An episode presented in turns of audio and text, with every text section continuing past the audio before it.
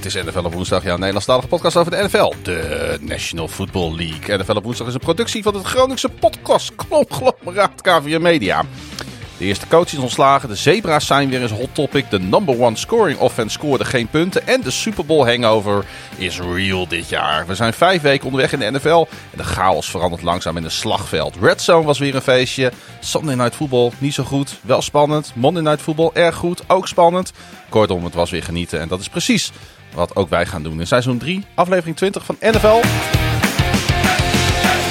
op woensdag.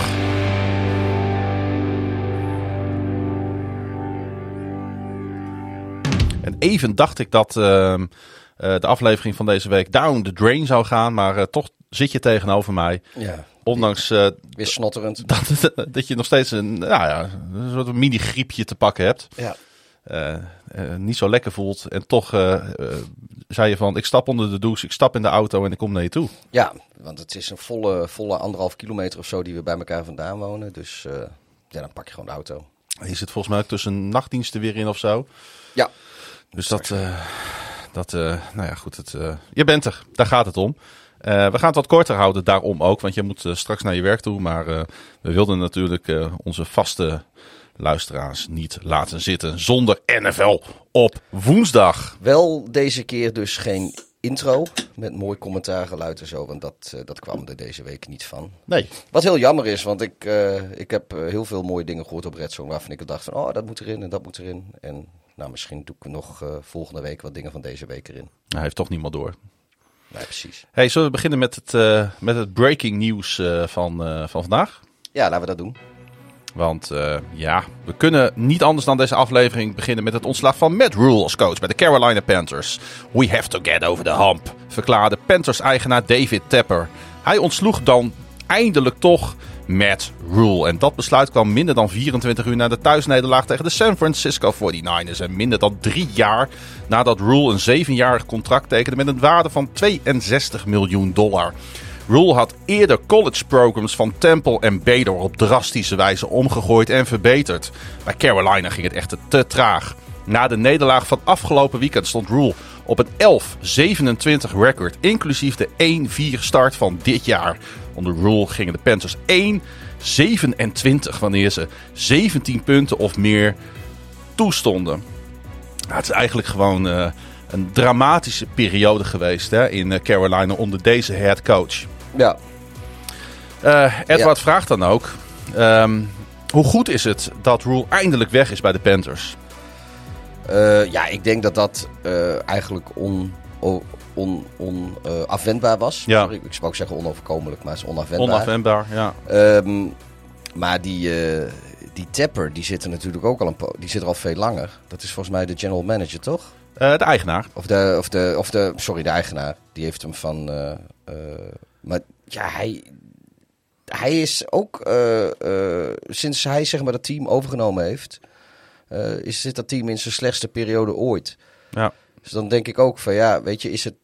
Kijk, nu, nu zal Matt Rule misschien niet de geschikte man zijn geweest. Maar als de mensen die de mensen aan moeten stellen er geen kijk op hebben en niet geschikt zijn. Want laten we niet doen alsof, de, alsof die voor de voorgaande jaren wel zo soepel ging. Ja, de man is, was zo'n hedge funds ja. owner, weet je wel. Zo'n zo'n handelaar in, in aandelen en ja. stocks en zo. En um, heeft ja, het voelt toch een beetje dan alsof iemand zo'n team als speeltje koopt. Als je begrijpt wat ik daarmee ja, bedoel. En, als, en ik weet niet in hoeverre hij zich bemoeit met, uh, nou, met de aanstelling en zo. Maar ik heb het idee dat hij uh, meer zich ermee bemoeit dan goed voor hem is. Of goed voor de Panthers hij is. Wil een soort van nieuwe, hij wil een soort van de Jerry Jones van Charlotte worden. Daar komt, daar, dat, zo nou, voelt ja, het een beetje. Kijk, we weten allemaal hoe ik over Jerry Jones denk. Ja, dus af en toe dan, dan, ik geef je omdat je niet zo lekker voelt, af en toe even zo'n open deurtje en dan kun je hem lekker nee. weer intrappen. Nee, maar uh, uh, nee, kijk, dus ik weet je, ik vind het heel sneu voor Rule, want ja, in ieder geval bij de Panthers, daar was hij niet de geschikte kandidaat, Nee. als hoofdcoach. Maar ja, er zit nu weer zo'n smet op zijn blazoen. Maar ja, hij had misschien die kans wel niet moeten hebben of, of niet moeten krijgen, zeker niet in die situatie. Maar aan de andere kant, Rule is ook een volwassen kerel, hij met zijn volle verstand ja gezegd en dat contract getekend en... Eh, ik denk ook niet dat we heel veel medelijden met hoeven Nou ja, te goed. hebben. In de zin van dat hij, eh, dat hij morgen eh, ergens op, in een kartonnen doos onder een afrit aan de snelweg vraagt of je alsjeblieft je autoraam mag wassen voor een dollar. Volgens mij krijgt hij zelfs nog 40 miljoen mee, begreep ik. Dat bedoel ik. Daar moet je heel veel autoramen voor wassen hoor. Maar ik moest wel even terugdenken aan het moment dat die Tapper eh, deze rule aanstelde. Die toen ook wel heel duidelijk voor ogen had. Het gaat wel even duren voordat zeg maar, het eh, sentiment in deze eh, organisatie omgedraaid wordt. En ik wil deze beste man ook best een, een twee, drie, vier, vijf jaar geven om te komen tot een succesvolle NFL-franchise. Maar eigenlijk eh, ging het alleen maar slechter. Ja, maar als je Er was geen enkel teken eigenlijk te zien van, van vooruitgang en, en, en een Ja, maar Nieuwe ook, cultuur. Ook, ook, ook met, met, met quarterbacks bijvoorbeeld ook, weet je. Ze, ze gooien de hele tijd, eh, te- weet je, met, nou ja, eh, van, van, van Bridgewater naar, eh, god hoe heet hij nou, van de Jets, die rooien. Met, Sam Darnold. Sam Darnold en, en dan naar Baker Mayfield. Ehm, ja, ze gooien gewoon dingen tegen de muren en, en hopen dat het blijft plakken, zeg Ja. maar. Er, er lijkt niet echt een lijn of, of beleid in te zitten. Nou, we gaan het daar zo meteen nog wel even over En- hebben als we bij die wedstrijd komen. Maar zij hadden natuurlijk. eh, eh, zij zijn natuurlijk achter eh, de Sean Watson aangegaan. eh, nou afgelopen ja, ja, ja, dat eh, pleit, zomer. pleit ook niet voor je. Nee, eh, maar dat is ook nog eens niet gelukt. Eh, toen hadden ze de mogelijkheid eh, om voor Jimmy Garoppolo te gaan. Dat durfden ze niet aan vanwege de blessure en de operatie op dat moment van eh, Jimmy G. Zijn ze voor Baker Mayfield gegaan en uitgerekend. eh, het moment waarop de coach verslagen wordt is na de wedstrijd waar Jimmy Garoppolo die hele Panthers defense aan gooit gooit. Ja, Dus ze zijn in alles altijd de laatste jaren ongelukkig in hun beslissingen Ja. geweest. en nu is, eh, nu is natuurlijk de vraag: ehm, wat gaan de Panthers doen? Want ondertussen zijn er, zijn er verschillende teams die alweer als aasgieren boven eh, Charlotte aan het cirkelen zijn om te, om te kijken wat voor spelers ze van het roster Ja, kunnen oppikken. Want er loopt best wat leuks rond op zich. Ja, nou ja, kijk, eh, de teams die, eh, die graag wide receivers willen hebben. Ik noem een Chicago Bears, maar ook, eh, weet ik veel, de Giants. Die doen het best wel leuk en die kunnen wel een receivertje gebruiken. De Packers kunnen misschien nog wel een receivertje gebruiken. De Rams. de, de, de Rams, die, nou ja, goed, die Alleen hebben, hebben, die bijna op geen papier- draft capital. Nee, maar die hebben op papier hebben ze wel receivers, maar die, maar die presteren slecht. Maar Ja. ik denk de teams als de Bears, Giants, Packers en zo zijn er vast nog wel een paar. voor mijn part de Ravens. Ik heb geen idee hoe die, hoe die daar verder in zitten. Misschien kunnen die, die kunnen volgens mij ook altijd nog wel een receiver gebruiken. Me dunkt. Eh, maar DJ Moore is dan natuurlijk eh, helemaal niet gek om, eh, Nee. om aan te trekken. En vooral, ik, volgens mij geldt dat vooral voor de Giants en de Bears natuurlijk. Dat die hebben ook eh, eh, behoorlijk wat cap space, ook dit seizoen. En draft capital om dat eventueel over te nemen. Dus dat... maar goed, er zijn veel meer spelers eh, die... eh kijk eens, een Christian McCaffrey, daar willen mensen vast ook wel wat, eh, ondanks zijn blessuregevoeligheid. Dus ja, ik ben benieuwd hoe dat gaat. Of ze, bij, of ze gewoon door willen gaan met hetzelfde roster. Of dat ze gewoon echt een strepen doorzetten en de bijl aan de stam. En weer helemaal overnieuw gaan Ja, die, beginnen. die McCaffrey werd al gekoppeld aan de Seahawks. Ik hoorde ze in, bij ESPN Live zeggen... Als de Seahawks echt denken, want dat denken ze... dat ze een kans maken om ook dit seizoen mee te doen... Ehm, ze hebben natuurlijk hun eerste running back zijn ze al kwijt voor dit jaar. Nou ja, dat is typisch zo'n team... eh, eh, wat zo'n agressieve move zou kunnen maken voor Christian En, die, McCaffrey. en ze hebben natuurlijk ook behoorlijk wat eh, draftkapitaal Ja, naar de, naar de. Wilson eh trade. Maar aan de andere kant, ik weet niet of... ja, kijk, dat is, het is natuurlijk een beetje toeval. Maar de Chris- Christian McCaffrey is nogal blessuregevoelig. En de, de, de track record van de Seahawks en running backs Ja, met blessures. Maar, maar- goed, dat weet je, dat, dat zegt allemaal niet zoveel, Dat denk is ook ik. een beetje all over the league. Hè? Het stadion werd zondag overgenomen door uitfans. Van de 63.000 toeschouwers had ongeveer de helft een rood shirtje aan. Defensive pass game. Coordinator Steve Wilkes werd aangesteld als interim coach. En ergens zei die na mij wel wat. En toen ben ik dat even gaan Wikipedia. En ik zag dat hij eerder headcoach in de NFL is geweest bij de Cardinals in 2018 toen hij een 3-13 record noteerde en daar ontslagen werd. Dus ergens zat die naam nog in een achterkamertje bij mij. En de Panthers ontsloegen ook eh defensive coordinator Phil Snow en assistent special teams coach Ed Foley. Ehm, het is eindelijk gebeurd. Ik had het nog niet helemaal verwacht, omdat eh, dat contract zo ongelooflijk dik eh, was. Maar ik denk dat de publieke opinie en de lege stoeltjes ehm, eh, ja, hem noopten tot deze beslissing. Het, het kon niet meer. Ik, ik snap ook niet dat je in. Ja, weet je, het is natuurlijk ook een beetje, beetje dubbel, dubbel allemaal. Want eigenlijk wil je als team eh, coaches met eh, of niet een extreem bewezen track record of, of omdat nou is omdat ze niet zo denderd hebben gedaan bij voorgaande teams of omdat het is omdat ze nieuw zijn in de NFL tenminste. Ja, ik, ik ben er nooit zo voorstander van om die enorme contracten te geven. Maar aan de andere kant, er zijn gewoon organisaties die moeten meer geld bieden om zo'n coach aan te trekken dan andere organisaties. Ik Ja. denk dat als jij, weet ik veel, de, de, de Green Bay Packers of de New York Giants, die, om maar weer wat te noemen, die hoeven niet, eh, die hoeven niet zoveel geld te bieden, denk ik, om, eh, om een trainer eh, over te halen. Als Mm. bijvoorbeeld de, de Panthers of de, de Texans of de Lions. En als, als je zoveel geld niet wil bieden, dan ga je weer een andere vijver vissen qua talent. En, En dat, hij- dat kan goed uitpakken. En hij had natuurlijk eh, uiteindelijk goede track records bij die twee college teams. eh. Ja, maar dat zegt natuurlijk niet zoveel. Kijk, eh, Nou ja, hij- hij heeft- college. Er zijn natuurlijk, volgens mij zijn de meeste succesvolle NFL-coaches. Ja, die, die komen volgens mij toch gewoon uit een. Als als offensive of defensive special teams coördinator al bij een ander team. eh, er zijn maar weinig hoofdcoaches volgens mij die zo vanuit college de, LFN, de NFL inrollen en succes halen. Het blijkt maar weer. Hey, ehm, laatste vraag voordat we met eh, de eerste wedstrijd van start gaan. Eh, van eh Maiko, die zegt, eh, die, die, die, die vraagt eigenlijk aan ons: in welke vier Europese steden zouden jullie graag een NFL-franchise willen zien? En die vraag komt natuurlijk vanuit het nieuws wat afgelopen zaterdag naar buiten kwam. Waarbij Roger Goodell op een, ja, een soort van, ik dacht een soort van bijeenkomst in Londen, Mhm. een soort van sportforum, eh opperde om eventueel een hele Europese divisie toe te voegen aan de National Football League. Ja, En ik moet heel eerlijk zeggen, dat idee van een NFL-franchise in Londen, eh, dat, dat is natuurlijk al heel lang eh, gaande. En dat bevalt mij op zich ook wel, dat idee. Maar dit was wel een vrij extreem voorstel eh, van Ja. Roger Goodell. Nou, ik heb, ik heb daar een heel, heel duidelijk antwoord op. Groningen, Leeuwarden, Zwolle en Emmen. Ja. ja, gewoon lekker bij ons in de buurt, man. Ja, in welke stadions moet dat dan gespeeld worden? Ach, dat, nou ja, wij hebben wel een stadion. eh, Leeuwarden bijna een nieuw stadion. Zwolle heeft een... eh ik kan onze schelen, gaan we gewoon heen. Ja. Hey, ehm, ik heb niet het idee dat dit een, een plan is wat, eh, Nee, joh, weet wat je, heel veel kans van slagen heeft. Hè? Nee, en, En moeten we het eigenlijk ook zelfs, wij als Europese fans, wel willen? nee. Weet je, je, je, je, je, je maakt er zo'n gesleep en, en gemier van met teams. Ik geloof ook al dat, dat dan wilden ze in New York, eh, ergens in de buurt van de stad New York, eh, in die regio wilden ze dan een soort eh, faciliteit maken voor een NFL-team. Wat dan, als, het, als er dan een Europese NFL-team in Amerika moest spelen, dan zijn ze drie, vier, vijf wedstrijden op rij in Amerika en hadden ze zeg maar daar een thuisbasis. Ja. Ehm, ik, ik denk van ja, jongen.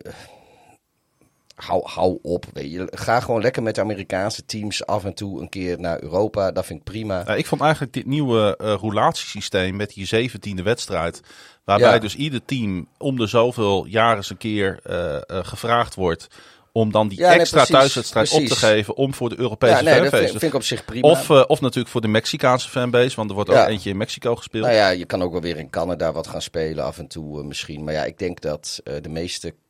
Kijk, de, de, ik geloof dat, dat eh, 90 of 95 procent van de Canadese bevolking... die woont binnen nou, 100 kilometer van de grens met de Verenigde Staten. En Ja. meestal in stedelijke gebieden. Dus ja, helemaal in het oosten van Canada, zeg maar het zuidoost van Canada... zullen ze waarschijnlijk voor de Patriots zijn. En eh, in centraal Canada dan heb je zeg maar de Bills die... eh, die, die zijn daar, vrij eh, populair groot- onder Canadezen. en aan de, aan de Canadese En. Detroit ook natuurlijk. Ja, ja, en, aan de, en de Canadese, nou ja, dan toch Bills. Nou, we hebben daar Ja. in Detroit al meerdere malen Canadezen Ja. ontmoet. Ja, en in de, en in de Canadese... Die gaan rustig drie uur in de auto zitten naar precies. Detroit. En de Canadese westkust, dan ga je lekker naar de Seahawks. Dus, dus ik denk dat het voor een nieuw, nieuwe teams in Canada of, of niet... of, of zeg maar, ja, weet je... Als, En zij als- zijn natuurlijk ook al verankerd in, die, in de baseball- en de ijshockeycompetitie. Ja, ik denk ook niet dat, dat ze in, in bij spreken. Vancouver zitten te wachten. Of, of in, in Winnipeg om, om de Tampa Bay Buccaneers te- tegen de Indianapolis Colts te gaan kijken of zo. Nee, dat denk ik ook Dat, niet. dat, ik denk niet dat ze daar warm voor lopen. En dat zie je ook wel in die Mexico-wedstrijden. Dat zijn vaak ook. eh, eh, zuidelijke teams, de Arizona, Cardinals, de Rams, ja, ja. De, de, de Chargers. Dat zijn de teams die Ja. ze die kant op sturen vaak. Ja. Nee, helemaal terecht. Eh, ik denk ook niet dat het een, eh, dat het een heel goed eh, plan is. Maar als het gebeurt, zullen het, weet ik veel, één, één of twee teams in Londen en dan nog een paar Duitse steden. Weet je, Moet trouwens zeggen Berlijn, dat, Berlijn Keulen en ja, Frankfurt natuurlijk. Hamburg eh, misschien. Ja, ik, ik, ik, ik- ja, Ik, ehm, het viel mij wel op de afgelopen wedstrijd in Londen dat, dat, er, dat er relatief veel fans van de beide teams waren. Dus er was veel, waren veel Packers en veel Giants te zien. Dus de Zijn twee, de twee zijn- fanbases eh, waren, teams ja, natuurlijk. precies, waren goed vertegenwoordigd. Wat je, wat je anders vaak ziet is, is eh, dat je, dat je zeg maar veel fans van één van de twee teams ziet. En dan, van, en, en dan Al de andere die 31 exact, eh, ja. allemaal andere, zeg maar. En hier was het wel redelijk eh, 50-50, dus dat was wel fijn. Goed, hey, we gaan naar het team van de week, Pieter.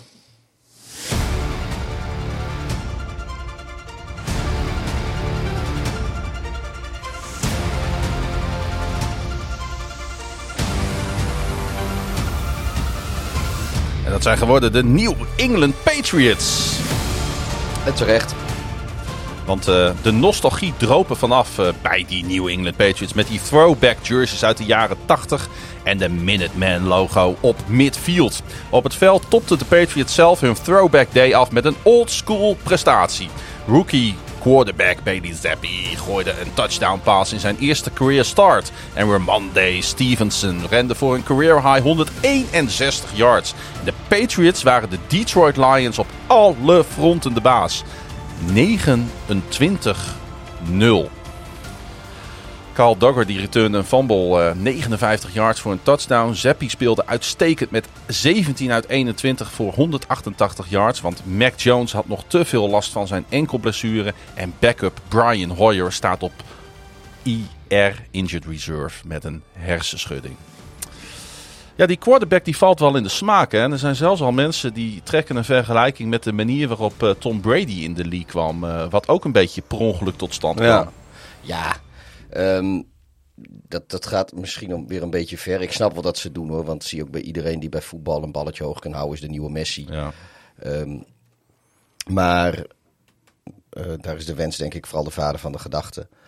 Maar het is wel, weet je, wat, wat, wat die Zappi eh, ook staat te doen. Hij staat in ieder geval, eh, lijkt het zichzelf een, misschien wel een mooi contract voor volgend jaar en een starting job bij elkaar te ballen. Ja. En ja, ik hoorde ook, ik hoor Patriots fans die zeggen ook van ja, weet je, ga dan lekker verder met die Seppi in plaats van met, eh, met Mac Jones. Laat, eh, laat Jones zijn plek maar terug moeten verdienen als hij fit is. Nou ja, ik, weet, ik, ik moet eerlijk zeggen, ehm, ik zie te weinig volledig van de Patriots om daar eh, wat van te kunnen zeggen. Het is meestal red zone natuurlijk wat ik zie in samenvattingen. Dus ik, ik kan niet zeggen of eh, nou zoveel beter is dan Mac Jones of andersom.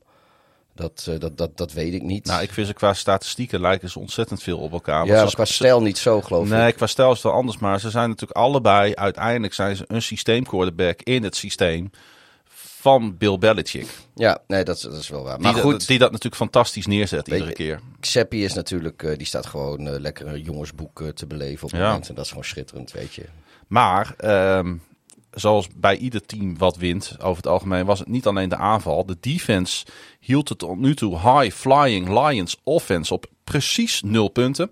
En dat terwijl receiver Amon Ra St. Brown terugkeerde in die aanval naar een enkel blessure. Maar die unit miste ook running back DeAndre Swift en receiver DJ Chark. En de Patriots stopten de Lions zes keer op fourth down. En terecht opgemerkt door diverse van onze luisteraars zag ik in ons engagement Jack Jones, door Pieter vorige week al opgehemeld, speelde opnieuw erg goed. Hey, zes keer gaat ehm, onze grote vriend Campbell ervoor op fourth down in deze wedstrijd. Nul keer haalt hij Nul het. keer haalt hij het. Eh, is dan het ongelijk eh, aan de coach? Nou, weet je, ik, eh, ik, ik, ik ga weer eens een soort van, van I told you so hier doen. Die Campbell, jongen, dat, die moet gewoon cheerleader worden of zo. Die is hartstikke goed om, om zijn team te motiveren en het ding erin te brengen. Maar het is gewoon geen goede coach. Dat, dat blijkt hier toch ook wel weer. Ja. Ehm, En hij leert ook niet van zijn fouten. Nee, het is iedere, iedere, iedere week is het ook van, ja, nou, that's on me, I gotta be better, bla bla bla. Nou, nee, dat, eh, ja, joh, dat gaat nu al anderhalf seizoen. Nou ja, dit seizoen is nog niet op de helft, maar goed, dat gaat al anderhalf seizoen. Ja. Eh, eh, leer. Maar En, en nul punten is, weet je, als als je een absolute klote team hebt met een kutaanval, dan, dan kun je een keer nul punten halen tegen een goede defense. En die hebben de Patriots op zich wel.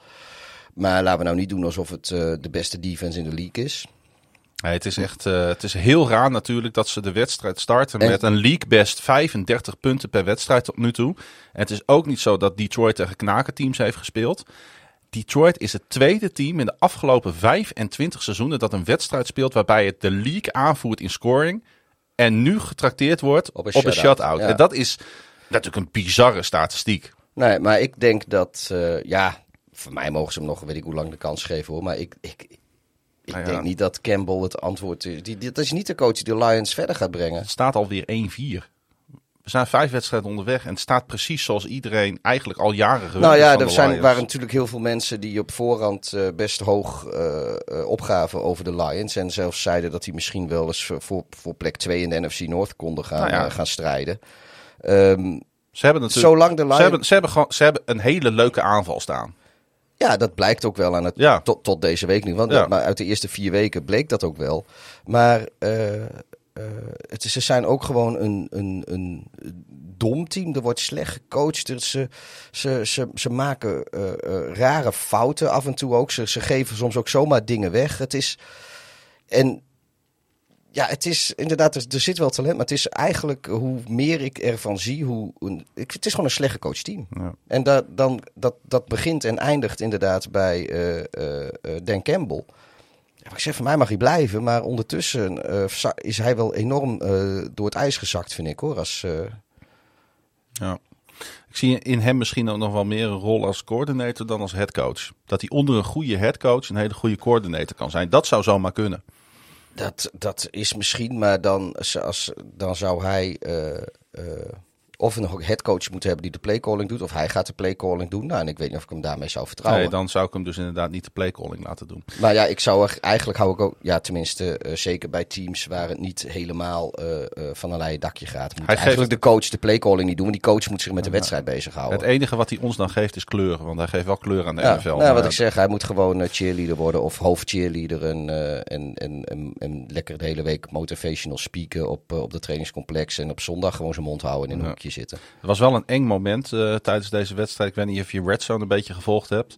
Maar er stond op een gegeven moment zomaar een ambulance Ja. op het veld daar. Want eh defensive back eh Savian Smith, die werd na een botsing van het veld gereden. En daar kwam zelfs dus een ambu aan te pas. Ik vond, dat zag er ook echt wel even creepy uit. Ja, want nu zijn er trouwens, ik weet niet of alle teams dat hebben, maar er zijn teams die, die rollen veel eerder een ambulance het veld op dan anderen. Ik geloof, eh, Seattle hebben ze dat volgens mij ook wel eens gehad. En dan is er eigenlijk niet zoveel aan de hand. Maar in plaats van zo'n, nou het is niet meteen het alternatief voor een golfkarretje, maar daar heb ik ook wel eens Hmm. ambulances het veld op zien rijden voor, voor dingen dat ik denk van, nou hier kunnen toch... Nou ja, hij had natuurlijk, eh, dat had natuurlijk alles te maken met het feit dat, eh, dat, hij, dat zijn nek Ja. in zo'n, in zo'n eh, Rare- raar- brace-achtig iets dan wordt gedouwd. Ik weet Ja. niet hoe dat heet, ik heb daar geen verstand van. Eh, in het ziekenhuis bleek trouwens dat hij motorisch in orde was. En volgens mij is hij ook gewoon met het team eh, teruggevlogen naar Detroit. maar Dus zou wel een concussion gelukkig alleen, je schrik je ook als kijker gewoon helemaal te pletteren. Als, je opeens, eh, als er opeens wordt overgeschakeld op Red Zone, dan staat een ambulance op het veld. Ja, nee, dat is wel waar. Eh, de Patriots zijn nu 5-0. Dat was wel een leuk statistiekje wat ik vond onder Belichick. Met quarterbacks die buiten de eerste ronde werden gedraft en hun debuut maken. De rest van de NFL is 30-80 Een in die als, eh, situatie. een debuut als starter moet je Ja, even bijzetten. als starter. Die had natuurlijk al eerder... eh, Ja, als starter Ja. inderdaad. En de rest van de NFL is 30-80 in die situatie. Sinds Belichick coach werd van de Patriots in 2000. Dus dit pleit ook wel weer voor zijn, eh, voor zijn kwaliteiten als coach. Hè? En hoe die jonge spelers de NFL in kan brengen. De Lions hebben trouwens volgende week een bye. Want de byes beginnen volgende week. Dat is ook voor ons fijn. Betekent dat we een heel aantal weken krijgen dat we wat minder wedstrijden hebben.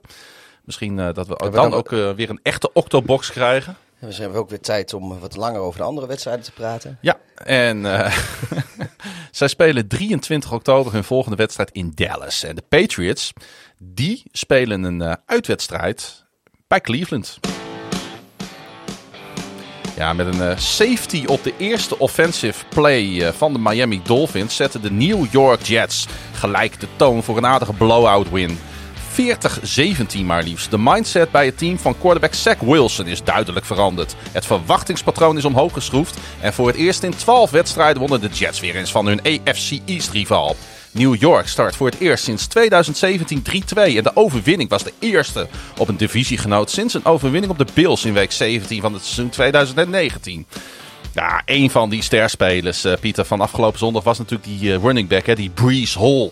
De running back van Iowa State. Noteerde 97 yards over de grond en 100 yards receiving op twee catches. We're not the old Jets. We're the Jets now.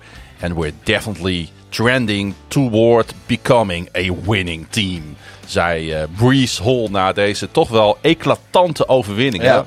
Ik vind, het- ik vind het ook wel mooi. Op, op, voor- voorafgaand aan deze speelweek, of in ieder geval aan, eh, aan de zondag, heeft eh, Kyle Brandt, eh, die we allemaal kennen natuurlijk als een van de hosts van Good Morning Football, ja.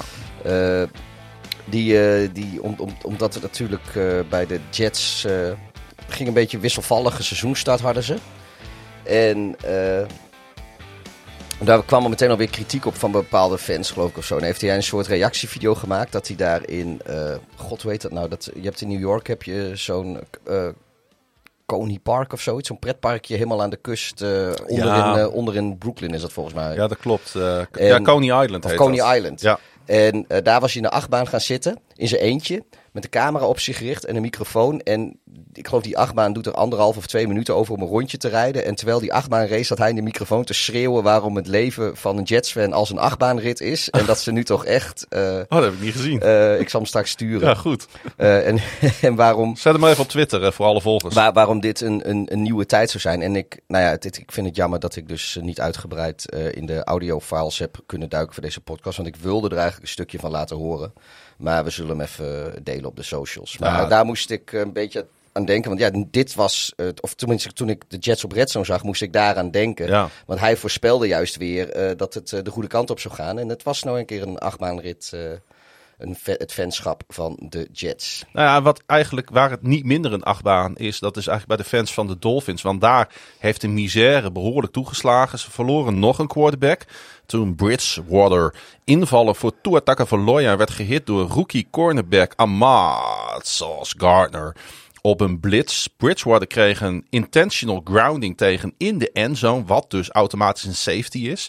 Hij keerde niet meer terug vanwege een blessure aan de elleboog en een potentiële hersenschudding. Ja, en, en dat ligt nu opeens natuurlijk veel gevoeliger sinds het hele eh ja, nou ja, het- het, het, het, ja, het is eigenlijk, je, je, kan, je kan het niet zelf verzinnen, maar omdat eh, het idee was dat, eh, dat er misschien wel wat ge, gesjoemeld is met, met de diagnose van, Mhm. van Tua en eh, hoe ze daarmee om zijn gegaan, is er een eh, extra spotter die ook gewoon eh, wiens woord wet is. En die vond dat Bridgewater wat wobbly op zijn benen stond. Dus on- ook al is hij door concussion protocol, is hij zeg maar met, met vlag en wimpel geslaagd. Waar je dus in de oude situatie in week 1 van dit seizoen gewoon weer verder mocht spelen. Ja. is juist de Dolphins quarterback, vanwege wat de Dolphins met toe hebben gedaan, heeft nu die spotter gezegd, nee, hij was wobbly op zijn benen, het mag niet. Ja. En dus werd hem verboden terug te keren. Ik heb hem inderdaad, eh, hij zei die spotter had hem dus, nou ja, niet helemaal recht zien lopen. Een beetje, Ja. ja, een beetje, ja. Ja. Je, ja, weet je, je, je kan er wat van vinden, maar eh, het blijkbaar, eh, dat het, nou ja, goed, dat het vermoeden is dus sterk dat eh, hoe dat ook precies gegaan is, weten we niet. Maar dat, dat, dat daar dus het niet helemaal goed is gegaan Laten bij, we blij bij zijn dat er, dat er wat meer aandacht voor is. En dat daar dus blijkbaar toch extra maatregelen nodig waren. En het eerste team dat slachtoffer wordt van die extra maatregelen is eigenlijk het team dat ze veroorzaakt heeft. Dus in die zin is het wel de poetic justice. ja, precies. Maar ik ben, ik ben blij dat Bridgewater eh, eh, waarschijnlijk geen hersenschudding heeft. En ik eh, wens hem een spoedig herstel toe. Eh, namens het hele team natuurlijk, hè, van ja, nee, maar, maar, ik- nee, maar ik, vind het altijd een beetje... Met, met Tua net zo, weet je. Het is, Nee, het is wel heel makkelijk om, om er luchtig over te doen. Maar kijk, het zijn, wel de, het zijn echt wel de, de, de rest van hun leven... kunnen dit soort jongens daar last van houden met dementie en... en Agressieaanvallen, depressies en weet ik wat allemaal. Dus dat is, eh, het, is, het is niet zo'n luchtig onderwerp. We hebben het hier wel vaker over gehad, eh, met name tijdens off-season podcast, hoe we, nou ja, zelfs, eh, dat is natuurlijk wel heel treurig, dat is natuurlijk Ja. wel een uiterste, maar Uh, nee, maar ik wou het even gezegd hebben. Oudspelers zich gewoon een kogel door de kop gejaagd ja, hebben. Nee, maar mijn betoog dat klonk een beetje als een soort net goed uh, voor Nee, de, voor helemaal de, maar niet. Dat, nee, dat, nee, dat nee. wil ik dus even... Uh, nee, het is alleen een soort van bizarre ontwikkeling dat het juist dit team natuurlijk overkomt. Ja. Henk zegt, ik ben niet objectief, maar ik vind Sauce Gardner en DJ Reed nu al het beste cornerback duo van de NFL. Wat vinden jullie? Nou, dat weet ik niet. Dat, dat, dat, misschien is de, wil ik dan nog een iets grotere sample size van dit seizoen ook voorzien. Maar uh, dat, dat Sauce Gardner het helemaal waarmaakt dit jaar tot nu toe. En dat, dat is een van de top picks van de afgelopen draft geweest. Hè? Ja, dat, dat is echt uh, fantastisch wat die jongen laat zien. En exact wat, uh, wat de Jets ook nodig hebben. Bridgewater die werd vervangen door rookie Skyler Thompson. Die uh, voor 19 uit 33 en 166 yards en een interceptie was in zijn NFL-debuut. En hij werd door de Dolphins gekozen in de zevende ronde met de 247ste pick out of Kansas State. En zo is Miami na een 3-0 start opeens 3-2 natuurlijk, na twee nederlagen op rij. Ja, en zij konden natuurlijk met, met Thompson, die, die werkelijk waar op een gegeven moment ontketende Jets niet bijhouden. Na de eerste NFL-interceptie van Gardner werd het 19-7. Miami bleef nog bij. Maar na een gemiste field goal van Sanders, toch niet de minste kikker. In het vierde kwart leek er iets te knakken, zeg maar, bij Miami. En dendende de Jets over Miami heen. Mede geholpen door een strip sack van Carl Lawson, die gerecoverd werd door die geweldige Quinnen Williams. Uh, ja. Nog wel een leuk, uh, leuk feitje zeg maar, uit deze wedstrijd over de offensive lineman van de Jets. Uh, Elijah Farrah Tucker. Ik weet niet of je dat een beetje mee hebt gekregen, maar hij startte voor de eerste keer op right tackle nadat hij vorige week nog zijn eerste career start op left tackle had. De eerste rondekeuze in 2021 startte dit seizoen ook al op right guard. Nadat hij zijn rookiejaar op left guard doorbracht. Farrah Tucker is slechts één van drie spelers sinds 2006 die op vier offensive line posities start in zijn eerste 21 wedstrijden. Dan ben je wel een veelzijdige speler, hè? Ja, hebben we ook al vaak over gehad, hè? Ja, die of, Farrah Tucker. uh, Hoe of, een, uh, of je team is gewoon echt heel mager in, uh, in O-line depth. Uh, waardoor, Ja. waardoor jij zeg maar soort van de, de, de zesde man bent. En Nee, natuurlijk speelt dat nee, maar dat mee. is het geval was volgens mij bij, ik zie Michael Ola staat Ja, Michael ook. Ola volgens staat, eh, mij was, eh, ja. gold dat voor hem een beetje. Dat, eh, dat hij was zeg maar een soort van de zesde man. Of in ieder geval steeds eh, eh, de minst slechtste Nou. se- secundaire optie na de starter. Dus Maar- die werd, maar dat er is, steeds hier, dat is hier natuurlijk niet Nee, zo. nee, nee, want hij vorig jaar, het- zijn rookieseizoen, heeft hij het hele jaar natuurlijk op dezelfde Ja. positie gespeeld. En dat deed hij zeer, zeer verdienstelijk. En ik zat zo wel een beetje na te denken met die Gardner en die Farrah Tucker en die Brees Hall. Die, die eh, drafts van de Jets die beginnen zich nu wel uit te betalen. Hè? Ja, en die, dat mag ook wel. Ja. want, eh, ze hebben ook natuurlijk eh, heel veel picks eh, gehad de afgelopen seizoenen. En volgens mij volgend jaar ook weer nog weer de nodige. Meer dan, meer dan de zeven, zeg maar, die je standaard hebt. Ja, dus dat is prettig. En dat, dat is ook de manier om, om eindelijk uit die gehate eh, top 5 zeg maar, te komen. Waarin de Jets eigenlijk al, al 10, 12 jaar Ja. draften. Maar het begint wel echt leuk te worden om Ja. naar te kijken op deze manier. En dat is ook weer goed voor de. En, en, goed voor deze divisie natuurlijk. Ja, dan moeten ook de, de teams die, eh, die het jarenlang eh, eh, eh, niet zo leuk hebben gedaan, moeten toch in de pariteit van de league eindelijk een keer weer leuk gaan doen. En de Jets zijn eigenlijk al te lang eh, niet zo leuk. Nee. Dus ik denk ergens sinds 2011, 2012 is de lol er wel een beetje af. Dus dat is al een jaar of tien. En eh, het wordt tijd dat, eh, dat het daar weer leuk wordt.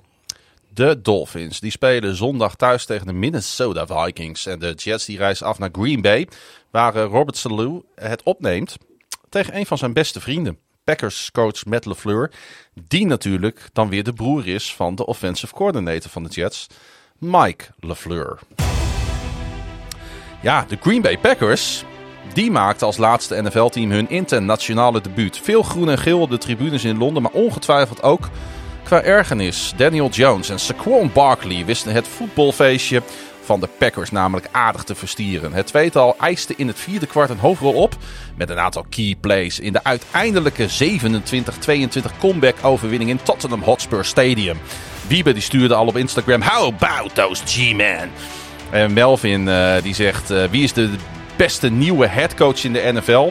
Nou, ik denk dat we daar allemaal wel een beetje over eens zijn. Die Brian de Bol die, eh, doet het daar natuurlijk fantastisch tot nu toe. De winnende score kwam tot stand toen Barkley een direct snap omzette in een 2-yard touchdown. Vervolgens leidde Aaron Rodgers de Packers naar de 6-yard line. Maar zijn paas op 4th and 1 werd door safety Xavier McKinney neergeslagen met nog een minuut op de klok. Ja, een overwinning van de Giants in Londen op de Packers. Uh, ik denk niet dat, ondanks dat de Packers uh, de Giants het seizoen goed begonnen, dat heel veel mensen die hadden zien aankomen. Zelfs de meest uh, grote Packers haten niet. Nee, ik Noem geen namen trouwens. Ik had er wel op gehoopt. nee, maar ja, ik, ik vond het wel, wel grappig eigenlijk, want de, de, de Giants deden eigenlijk een beetje hetzelfde als wat ze tegen de Bears ook deden. En uh, ja, de, de Packers die vergooien zelf eigenlijk die wedstrijd. Want ze zijn, waren eigenlijk de hele tijd beter. En uh, zeker op die laatste paar drives, dan blijven ze wanhopig passen. Terwijl ze gewoon, joh, ga gewoon lekker. Pak je, je hebt je running game. Je zit met, uh, met Dylan en Adams. of sorry, Jones. Adam, ja, Jones, sorry. Aaron Jones en, en Dylan. Geeft niet. uh, zit je.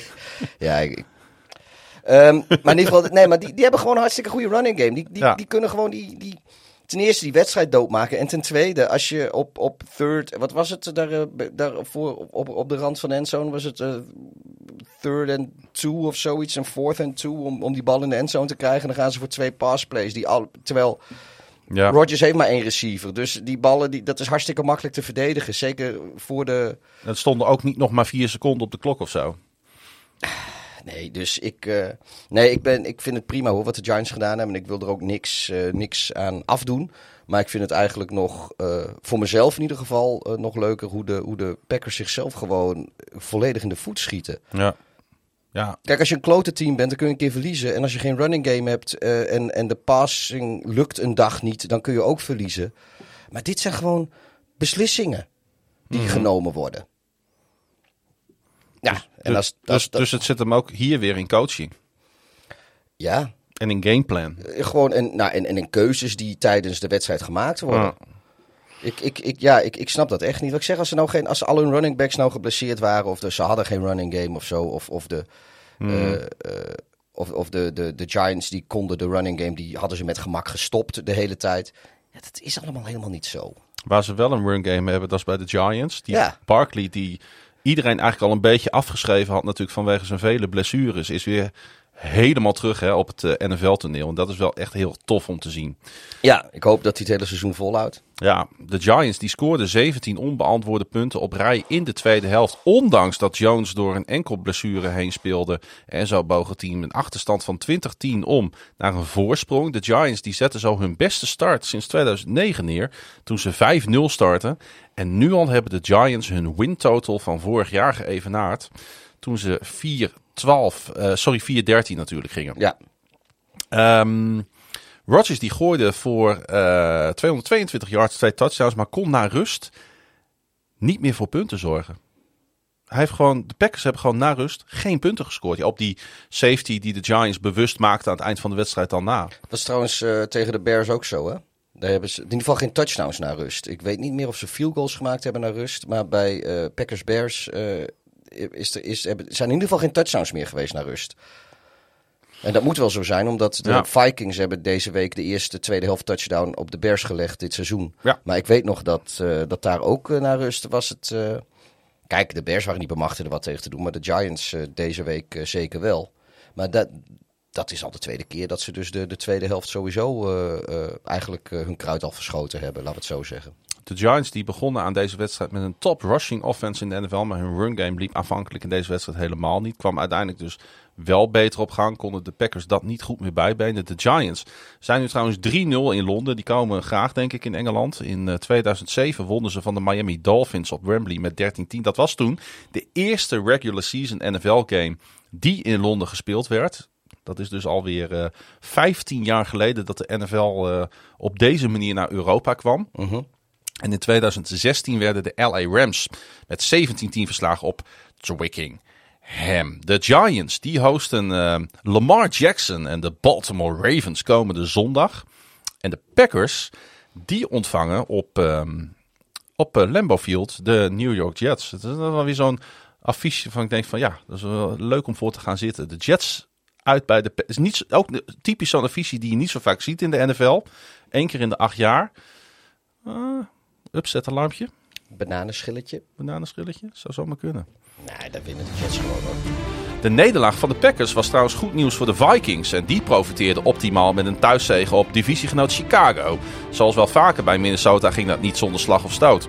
Een uh, mid-game slump zorgde ervoor dat de Bears terug in de wedstrijd kwamen. En het leek vlak voor tijd zelfs helemaal mis te gaan. Totdat Cameron Dansler de bal uit de armen van voormalig teamgenoot Emir Smith Marset plukte. De Vikings hebben nu in drie op één volgende wedstrijden achtergestaan. Met nog minder dan vijf minuten op de klok. En wonnen ze alle drie.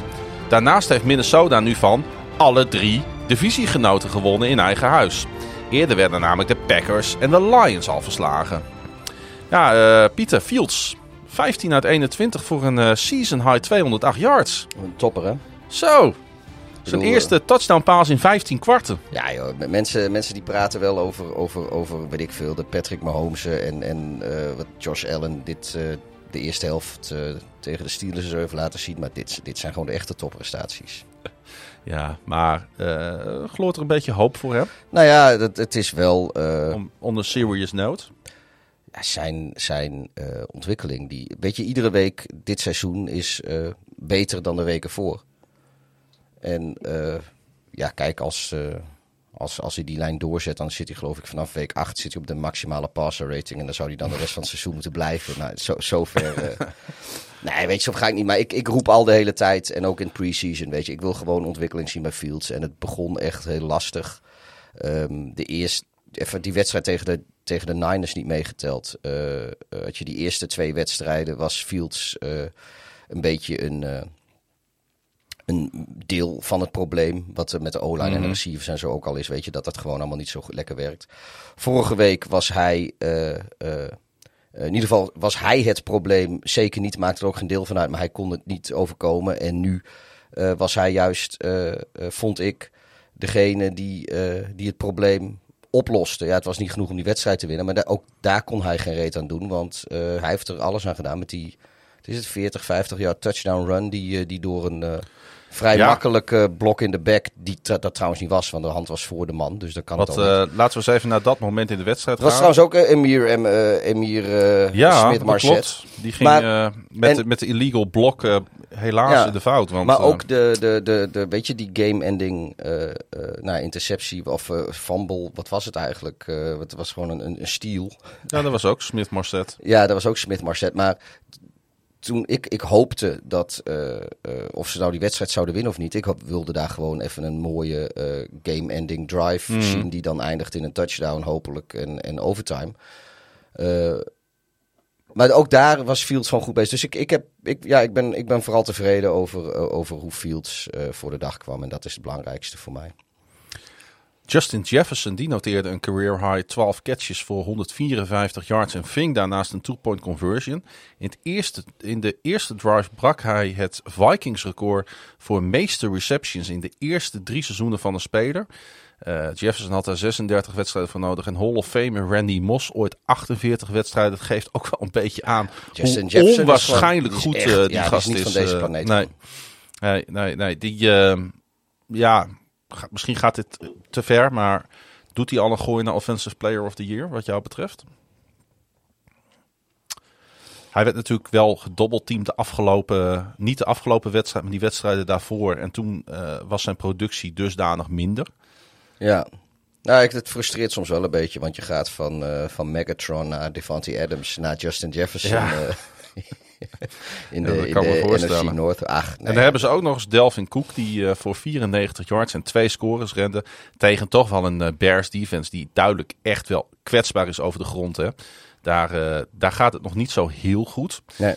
Cousins was goed voor een franchise record. Gaan we weer met 17 op één volgende completions aan het begin van de wedstrijd. Want ik zat die wedstrijd... Uiteindelijk had hij de 18. Ja, want ik zat die wedstrijd met een schuin oog te volgen en toen was het rust. En toen dacht ik van, nou, uh, Hols, we zaten in proeflocatie. Ik zeg, klap die laptop maar dicht, want uh, ga lekker Red Zone kijken. En uiteindelijk wordt het dan toch een wedstrijd. Dat is dan ook wel weer echt leuk. En wat ik ook leuk vond was de touchdown van de rookie Velas Jones Jr.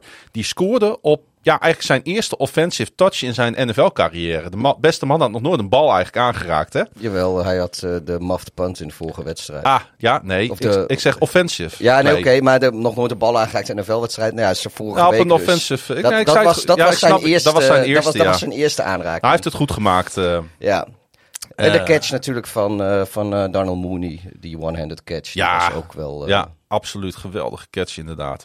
Ehm, jullie mogen snel weer aan de bak deze week, want Chicago host Washington op Thursday Night Football. Daar blijven alle luisteraars natuurlijk wakker voor, dat Oranje, wel. oranje eh Ja, ik heb ze gezien, en oranje helmen. Ja, prachtig keer. hè? Dus dat hoopt, gaat er volgens mij wel mooi uitzien. Oranje boven. En Minnesota reist af naar Miami. Ja, Chicago treft dus eh, donderdagavond een tegenstander die een eh, heartbreaking los te verwerken krijgt, eh, kreeg. En de Commanders die hadden namelijk meerdere kansen om de endzone te bereiken voor een winnende touchdown in Landover, Maryland. Maar de bal belandde uiteindelijk niet in de handen van de Commander, maar in de handen van David Long Jr. En die speelt toch echt voor de Titans, die ter nauwe nood een 21-17 overwinning boekte en daarmee naar een winning record gaan. 3-2. Long intercepte Carson Wentz op de 1-yard line met nog 6 seconden te gaan. Niet de eerste keer dit jaar dat de defense een game-saving play moet maken. Voor Wentz was het de zesde interceptie van dit seizoen. En voor de Commanders de vierde nederlaag op rij alweer. Eh, toch heb ik wel weer eh, wat dingetjes bij die Commanders gezien. Dat ik dacht van ja, er zit wel wat in dat team. Maar aan het eind van de rit staan ze gewoon iedere keer met lege handen. Ja, eh, en je kan Wens daar ook gewoon echt wel eh, een deel van de schuld van geven. Maar moet je dat dan als coach ook zeggen na de wedstrijd? Is dan natuurlijk de vervolgvraag, dat snap je wel. Ja. Ehm, ik heb het idee dat Wens niet de keuze van Riverboat Run was. Dat, Nou, dat hem opgelegd is. Na zijn eh, antwoord op de vraag, waar ligt het probleem, meneer Rivera, als enige antwoord geven de quarterback. Dat vind ik, ik vind het trouwens wel. Weet je, ik vind het helemaal niet erg dat, eh, dat, dat je als coach eh, eh, wijst naar, de, naar, de, naar het pijnpunt. Maar Wens is natuurlijk niet het enige pijnpunt Nee, in dat team. precies. En, Rivera zelf. Ja, Ja. ondanks dat hij een speciaal plekje in ons hart Ja. heeft. maar even, joh, ik, ik hoorde ook zo mooi. Die Wens hoorde ik, die lijkt eigenlijk op een. een in de pocket. Lijkt hij op een kat die eh, is opgesloten in de kamer en je gooit dan wat vuurwerk die kamer in. Hmm. Weet je, zoals die kat dan kijkt en reageert en springt, dat is een beetje zoals Wens in de pocket is. En ik, ik zie dat dan voor me en denk ik, ja, dat is wel een treffende vergelijking, denk ik. eh. Ja. ja, de man is af en toe totaal in paniek. Ja. Dat is eigenlijk wat je daarmee zegt. Ja. En dat was natuurlijk ook die... en het wordt allemaal heel, tenminste voor ons als kijker, en dat vind ik van katten ook, die plotseling opspringen of zo. Het ziet er allemaal heel ongecoördineerd uit eh, ineens. Ja, maar dat was toch op het eind ook zo. Want eh, even voor de goede orde. Het is allemaal leuk en aardig dat de Titans gewonnen hebben. Maar die hadden deze wedstrijd natuurlijk eigenlijk moeten verliezen. Als je als team vier kansen krijgt eh, om die bal van kort de endzone in te gooien. Dan moet toch één van die vier pogingen raak zijn. Ja, maar nu moet ik wel zeggen dat de Titans die wedstrijd volgens mij, als ik me het goed herinner, ook al eerder hadden kunnen en moeten beslissen. Ja, Eh, dat, het, is wel weer eh, een beetje dom van de Titans dat ze het eh, die- tegen een toch matig team er toch weer op aan laten komen. die zijn gewoon nog niet heel erg op stoom dit ja, seizoen. ze winnen drie op rij. Dat wel, ze gaan van 0-2 naar 3-2. Ja, En daarmee redden ze hun seizoen eigenlijk nu al een beetje. Voordat Long de held van de, van de Titans werd, rende Henry opnieuw voor meer dan 100 yards. 102 om precies te zijn. En hij ving twee passes voor 30 yards, waarvan één een eh, prachtige screen pass die de setup was voor die touchdown reception van Don Trell Hilliard in het eerste kwart. En er zijn nu 27 wedstrijden waarin Henry meer dan 100 yards rent. En van die 27 wedstrijden wonnen de Titans er 24.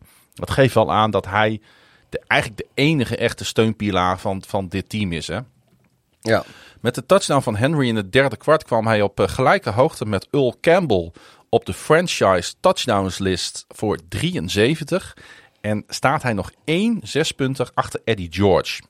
Natuurlijk ook een Titan legend, hè. Ja. Henry was met zijn uh, prestaties de tegenhanger van 5 sacks op Ryan Tannehill. Wat dat betreft is het maar goed uh, dat uh, Tennessee league best is in de red zone met, met, met 10 uit 13. Want... Ja. Toen ik, toen ik een seizoenkaart had bij de Admirals, dus dat zijn de vroege 2000's, toen, in ieder geval de tijd dat ik in Amsterdam woonde. Mm. Toen zag je op redelijk wat Titan shirtjes, zag je ook wel in de arena bij de, bij de, Jack, of bij de Admirals. Het was bijna allemaal Eddie George. Dan weet ik, iedereen had een George shirtje. Nou ja, hij is niet voor niks natuurlijk. Ja. Uh, en, uh, en, staat hij nog steeds ja. nu bovenaan die touchdown list. En ik, en ik was de enige halve met, uh, met mijn McNear shirtje. Maar ja, dat... Ja. Dat, ja, je, zag toen best veel. Maar ja, goed, die had een paar jaar ervoor ook nog in de Super Bowl gespeeld, natuurlijk. Ja, dat is waar, inderdaad. Het is ook weer een soort van tijdsbeeld, natuurlijk. De Commanders kwamen dus nog dichtbij, maar speelden enorm wisselvallig. De aanval was 1 uit 11 op third down, inclusief een interceptie. En de Commanders staan nu ja, in, die, in die toch uh, heel goed presterende verder NFC East echt hopeloos onderaan met 1-4. En die eigenlijk is seizoen sportief gezien nu al voorbij. Want die gaan nooit meer bij die andere drie teams komen natuurlijk. Nee, die moeten dan, ik geloof tussen de Patriots hebben ze straks, uh, geloof ik.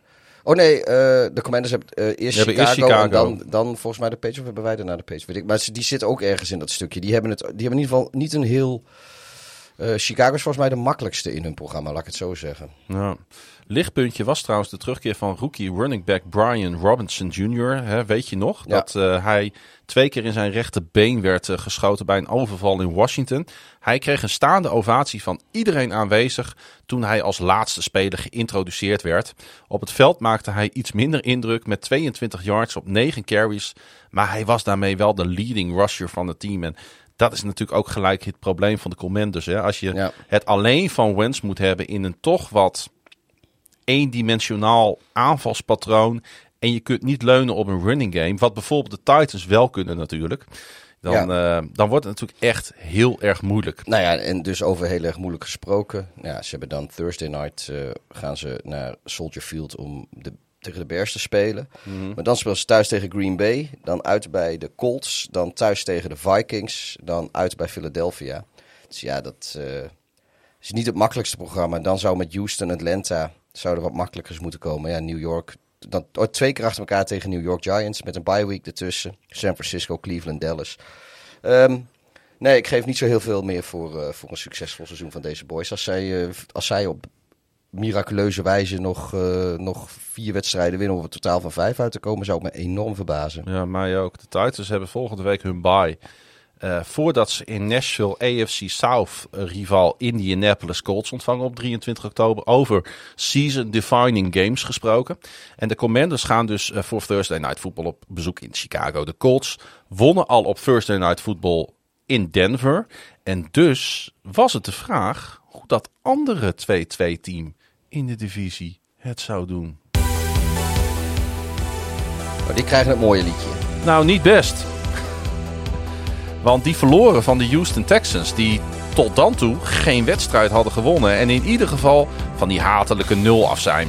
En dat met name door het puikenwerk van Damian Pierce. Die tegen toch geen knaken run defense de wedstrijd van zijn leven speelde.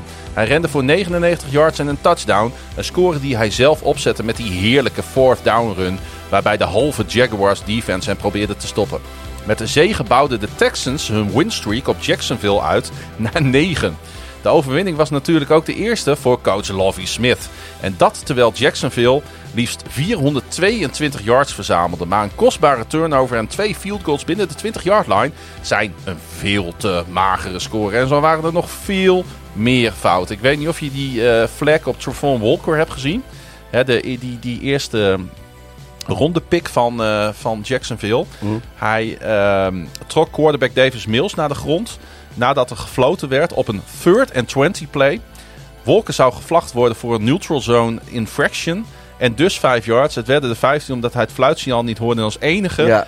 uh, achter het, de quarterback ja, aanging. Het, het, heel raar ja, moment was dat. Het zag er ook zo, zo uh, ja, het zag er echt heel raar uit. Echt een hele rare actie inderdaad uh, van, van Wolken. Ja, de, ik zit me dan af te vragen, hoe kan dat nou dat die Jacksonville Jaguars hebben een paar geweldige wedstrijden gespeeld. En nu zakt het weer als, als, als, een, als een plump pudding in elkaar. Ja. Nou ja, en dan is het ook, eh, weet je, dan is eh, Trevor Lawrence nog niet de man die, eh, die, eh, die zegt van nou jongens, ik neem jullie even mee op de schouders en eh, we gaan ervoor. Eh, want ja, hij, hij het, het, het is niet alsof hij helemaal slecht was of zo, maar het was ook, het, was, het straalde geen seconde uit het, alsof hij wel even. Want de, de Texans waren ook niet best. Nee. Maar op de een of andere manier van, nou ja, dit is, was zo'n zo'n red zone wedstrijd natuurlijk. Eh, Er werd, en die- er werd niet heel veel gescoord, dus kwam ook niet eh, extreem veel in beeld. Maar ja, de Texans heb ik altijd het idee gehad dat die, eh, dat, ja, Mills die stond daar wel als een generaaltje. Oké, het, ging niet, het, het ging niet denderend, maar Nee. hij stond daar wel een beetje de onverzettelijkheid achter, of een beetje, een beetje Straalt hij altijd eigenlijk wel uit, ja, vind ik. maar die, die stond er als een generaal achter zijn troepen, zeg maar. Eh, Zo stond hij daar. hey, Pieter. Dat betekende natuurlijk ook het, eh, de eerste overwinning voor Lovie Smith. Dat is waar.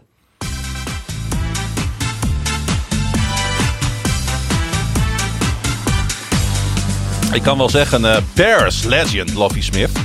De En man die een winning Buccaneers, record... legend. ja, de man, de man die in ieder geval met de Bears een, over vele jaren een winning record neerzet als eh head coach. Super Bowl haalde. Super Bowltje inderdaad gespeeld. Wel verloren helaas, voor jou. En ook natuurlijk voor Lovie. Ja. Maar jij zei, eh, ja, Ja, nee, maar weet je, ik, eh, ik heb gewoon een zwak voor Lovie Smith. En hij heeft eh, natuurlijk bij de Bears heeft hij hele leuke dingen gedaan. En hij is daar ook ontslagen, terwijl hij 10-6 was als, als winnende coach. ja. Is, is hij daar uiteindelijk toch weggestuurd. Wat ik helemaal niet zo raar vond hoor. Alleen ja, toen wisten we nog niet wat voor ellende we er allemaal voor terug zouden krijgen. nee. Met die Mark Trestman en zo. eh. Och, jongen, jullie hebben wat meegemaakt. Voor wie ik dan weer een zwak heb, eh, dat is die eh, running back. Die Damian Pierce. Ja. Soms heb je opeens twee biertoppers in één wedstrijd waar bijna niks gebeurd is. dat is dan wel weer grappig. Want ik had het net hè, over die actie van, van Walker waar die 15-yard penalty op kwam. En dat was het startsein voor eh, onze grote vriend Pierce om los te gaan. Pierce, die trouwens college voetbal speelde bij eh, Miami, zo'n 75 mijl ten westen van Jacksonville, vernederde de Jaguars met een run waarbij hij Jenkins, Oliokun, Campbell, Williams, Griffin, Cisco en Lloyd voorbij wist te komen. En uiteindelijk wist de Quan Smoot, weet je nog wel, de man die zijn eigen kind ter wereld bracht, een hand om zijn rechter enkel te krijgen. En eh, ook daarvan wist Pierce los te komen. En Campbell en Cisco kregen hem vervolgens vlak voor de goal line te pakken. En twee plays later rende Pierce alsnog de endzone in voor de beslissende score in deze verder niet al te beste wedstrijd. Maar die Pierce, dat, ik, ik hou er gewoon van dat er dan bij zo'n team als de Houston Texans één speler is die het hele niveau van dat team ontstijgt. Ja, nu is dat ook- Daarvoor ga je gewoon de Houston Texans kijken. Ja, eigenlijk is... Ja, nee, ik, ik, ik, nee, ik wil ook helemaal niks afdoen aan Pierce. Maar eigenlijk als jij gewoon redelijk getalenteerd bent en je hebt een goede dag... dan ontstijg je niveau van de Texans. Dat is waar. Maar, Nee, even- maar het is, weet je, ik, ik, ik, ik, ik gun het dat team ook wel. Het hij stond wel- niet tegen een knaken run defense te spelen. Nee, maar het- de Texans die, die eh, zijn toch een van de minst eh, getalenteerde teams in de league, denk ik. Ja. Samen met nog een paar andere. Maar ook dit is een team dat eigenlijk eh, iedere wedstrijd eh, close doet. Je- niemand wint er makkelijk van tot nu toe. En ehm, ja, ik vind het wel, wel gewoon hartverwarmend. En, en inderdaad... een beetje wat de Falcons en de Bears ook laten zien. Maak, maak een wedstrijd maar hard. Ja, ja, nou ja, maar dat, dat, ik, ik vind het ook gewoon belangrijk, weet je. Het is, ik- ja, Ja. wedstrijden weggeven. Dat, dat, en dat zie je dan bijvoorbeeld van de andere matig getalenteerde teams. Eh, zoals de Jaguars, tenminste, die spelen in ieder geval alsof ze een matig getalenteerd team zijn. Eh, Eh, afgelopen twee weken wel in ieder geval. eh, die hebben dat er veel minder, vind ik. Op de een of andere manier. eh, eh, maar ook de, nou, de Jets nu dan. Maar de Jets voorgaande jaren zag je ook heel vaak. eh, Hij wil Lovie Smith nog een keer aan de bak komen bij een, bij een goed team. Dan is dit natuurlijk ook het jaar om toch, ondanks dat die coach is bij de Texans, wel een visitekaartje af te Ja. geven. ja. Zo zakken de Jaguars dus wel weer behoorlijk weg. Tweedejaars quarterback Trevor Lawrence was vorige week tegen Philly nog verantwoordelijk voor vijf turnovers. En gooide afgelopen zondag ook weer twee intercepties. Rookie Derek Stingley Jr. Ook zo'n goede draftpick trouwens van de Houston Texans. Dus daar ook, wordt ook wel weer gebouwd om talent heen. Onderschepte Lawrence in de endzone op de opening drive van het tweede kwart achteraf naast de touchdown van Pierce de twee belangrijkste key plays van deze wedstrijd. Ja, om deze wedstrijd af te sluiten, ik weet niet of je dat nog, daar nog wel iets van hebt gezien. De Jaguars hielden hun Legends Weekend. Want Tony Boselli, hè, onlangs toegevoegd aan de Pro Football Hall of Fame, ook zo'n uh, beer van een vent, kreeg zijn Ring of Excellence. En zijn nummer 71 werd geretired. Er waren zo'n 100 oudspelers van Jacksonville aanwezig bij de ceremonie. Vind ik toch mooi dat een team, Ja. wat nog niet zo lang be- eh, bestaat, toch op deze manier al een soort van legacy aan het opbouwen is. Plus dat van hun, bijna alle hun oudspelers leven nog. Ja, dat is inderdaad waar. Ja, dat is wel een goeie. Jezus, wat een kutgrap. De Jaguars die reizen af naar Nashville, ehm, waar Jacksonville acht wedstrijden op rij verloren heeft. En eh, de Texans die spelen dit weekend een eh, road game. Ja, de, in, de, de, eh, de Colts, dat is echt het Las enige Vegas. divisieteam waar de Jaguars wel eens van winnen, hè? ja, gek is dat hè. Terwijl ze dus altijd van de Houston Texans verliezen. Nou, die Ja. hebben natuurlijk ook goede En, jaren nou ja, goed. En in, in Nashville winnen ze dus ook gewoon niet. Hoewel van, ze winnen nog wel eens thuis van de Titans. Dat is dan wel weer zo. Dat is inderdaad waar. Ehm, eh, Las Vegas dus moet de Texans heen. Waar ze spelen tegen de Raiders. Die in een krankzinnige, maar ook erg leuke wedstrijd. Jij hebt hem volgens mij ook in zijn geheel gezien, Pieter. Tijdens Monday Ja. Night Football verloren van eh, Patrick Mahomes en de Kansas City Chiefs. En dat terwijl de big plays voor de Raiders waren. En de Zebra's overigens ook. Gesprek van de dag was de schandalige penalty op Chiefs defensive tackle Chris Jones voor roughing Raiders quarterback Derek Carr. En niemand in het stadion, zelfs de fans van de Raiders niet, kon het geloven. De Chiefs zetten de frustratie over de call om in motivatie en waren uiteindelijk de gelukkigste. Na een 30-29 overwinning op de nu 1-4 Las Vegas Raiders. Ja, die eh, veelbesproken penalty die kwam eh, een dag na die andere roughing call door Zebra Jerome Boger op Atlanta's Grady Jarrett tegen Tampa Bay quarterback Tom Brady. Eh, Brady die weigerde commentaar te geven. Mahomes reageerde met een It wasn't the greatest call in the world. You have to find a way to bounce back and we did. Ja, en dat deden ze ook. Vind ik wel mooi eh, trouwens, weet je niet. Want eh, zeker Mahomes eh, reageert er wel goed op. Want ik kan je nu alvast garanderen dat er komt een moment. En die zijn er misschien in het verleden ook al wel geweest. maar er gaat een moment komen dat Mahomes dit soort calls een keer mee gaat krijgen. En eh, als hij nu dus zeg maar full, full pool eh, moeilijk gaat doen over dit soort calls en arbitrage, dan garandeer ik je dat de eerstvolgende keer dat Mahomes een, een makkelijke roughing the passer call meekrijgt en da- daar misschien wel een wedstrijd op wint, eh, dat dan eh, dit soort commentaren van hem op, als het andersom gebeurt, die vliegen dan meteen social media over. Dus ik vind het gewoon echt een, vooral een hele volwassen reactie van, van Mahomes. Ik heb mij enorm gestoord aan de reactie van, ehm, van Tom Brady. Ik vond het echt, echt buiten alle perken dat een quarterback van zijn statuur, een speler van zijn eh, statuur, de kroonprins van de NFL, eh, daar eh, de pers te woord staat. En enkel reageert met, ja, ik gooi die vlaggen niet. Hij zou toch juist daar wat over kunnen zeggen. Ja, maar kijk, hij is natuurlijk juist weer de man die. ja, niet, Wat heeft niet hij dat nou, niet wat dat heeft hij nou te verliezen door wat- hier... Omdat hij zijn hele carrière krijgt hij al makkelijk roughing the pass. Passer calls mee. Brady is een van die, eh, van, van die quarterbacks die, daar hoef je maar naar te kijken en je krijgt een vlag. En dat is de hele tijd al zo. Dus Brady zal wel knettergek zijn. Zeker, eh, nou ja, we gaan ervan uit dat de herfst van zijn carrière is. Maar voor hetzelfde geld is nog maar het voorjaar. Maar eh, ehm, dat hij, dan gaat hij nu toch even nog niet de arbitrage tegen zich in, het- in, in het harnas jagen. Dus hij kan moeilijk zeggen van, nou nee, ze hadden groot gelijk. Die, die scheidsrechters zijn hartstikke Ja, top. Maar hij, gaat ook niet, hij gaat er ook geen kritiek op geven. Maar dat het zou, zou ik in zijn, het is zonde, maar ik zou het in zijn schoen ook niet doen. Het maakte wel de hele situatie nog frustrerender voor de NFL-kijker in het algemeen Oh, ja, en natuurlijk. voor de Falcons fans. En zeker voor de Falcons, want ehm, ja, daar gaan we het zo nog wel even over hebben. Over die Ja, ik wil wedstrijd. zeggen, we hebben het over Bucks. eh, nee, we hebben het over Bucks Raiders. Chiefs. Maar ik wou, ik wou deze twee wel bij elkaar nee, pakken. Want hier ging het natuurlijk heel veel over. Want Dennis die vraagt ook. Denken jullie dat de NFL zo bang is voor een nieuwe Tua-situatie? Dat ze nu zo ultra-conservatief zijn met die roughing the passer calls? Er, is, moet iets gebeurd zijn intern bij de NFL natuurlijk. Dat dit twee keer op deze manier Nou, gefloten ik, is. ik, ik moet, weet je, ik, die, die van Brady.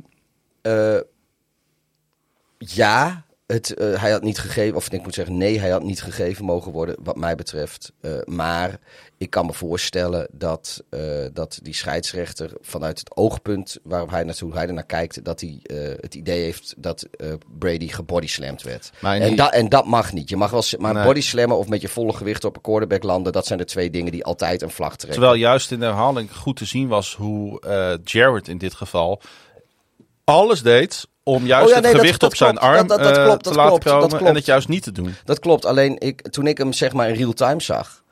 En eh, nou, weet je, we hebben nu de discussie vond- bij. We hebben nu de discussie bij deze wedstrijd om straks niet meer te voelen. Maar zoals ik hem Nee. in real time zag. En de scheidsrechter ziet het natuurlijk ook maar één keer. eh, of tenminste, die moet na één keer een beslissing nemen. Die mag geen herhalingen kijken om, eh, voor Mhm. penalties.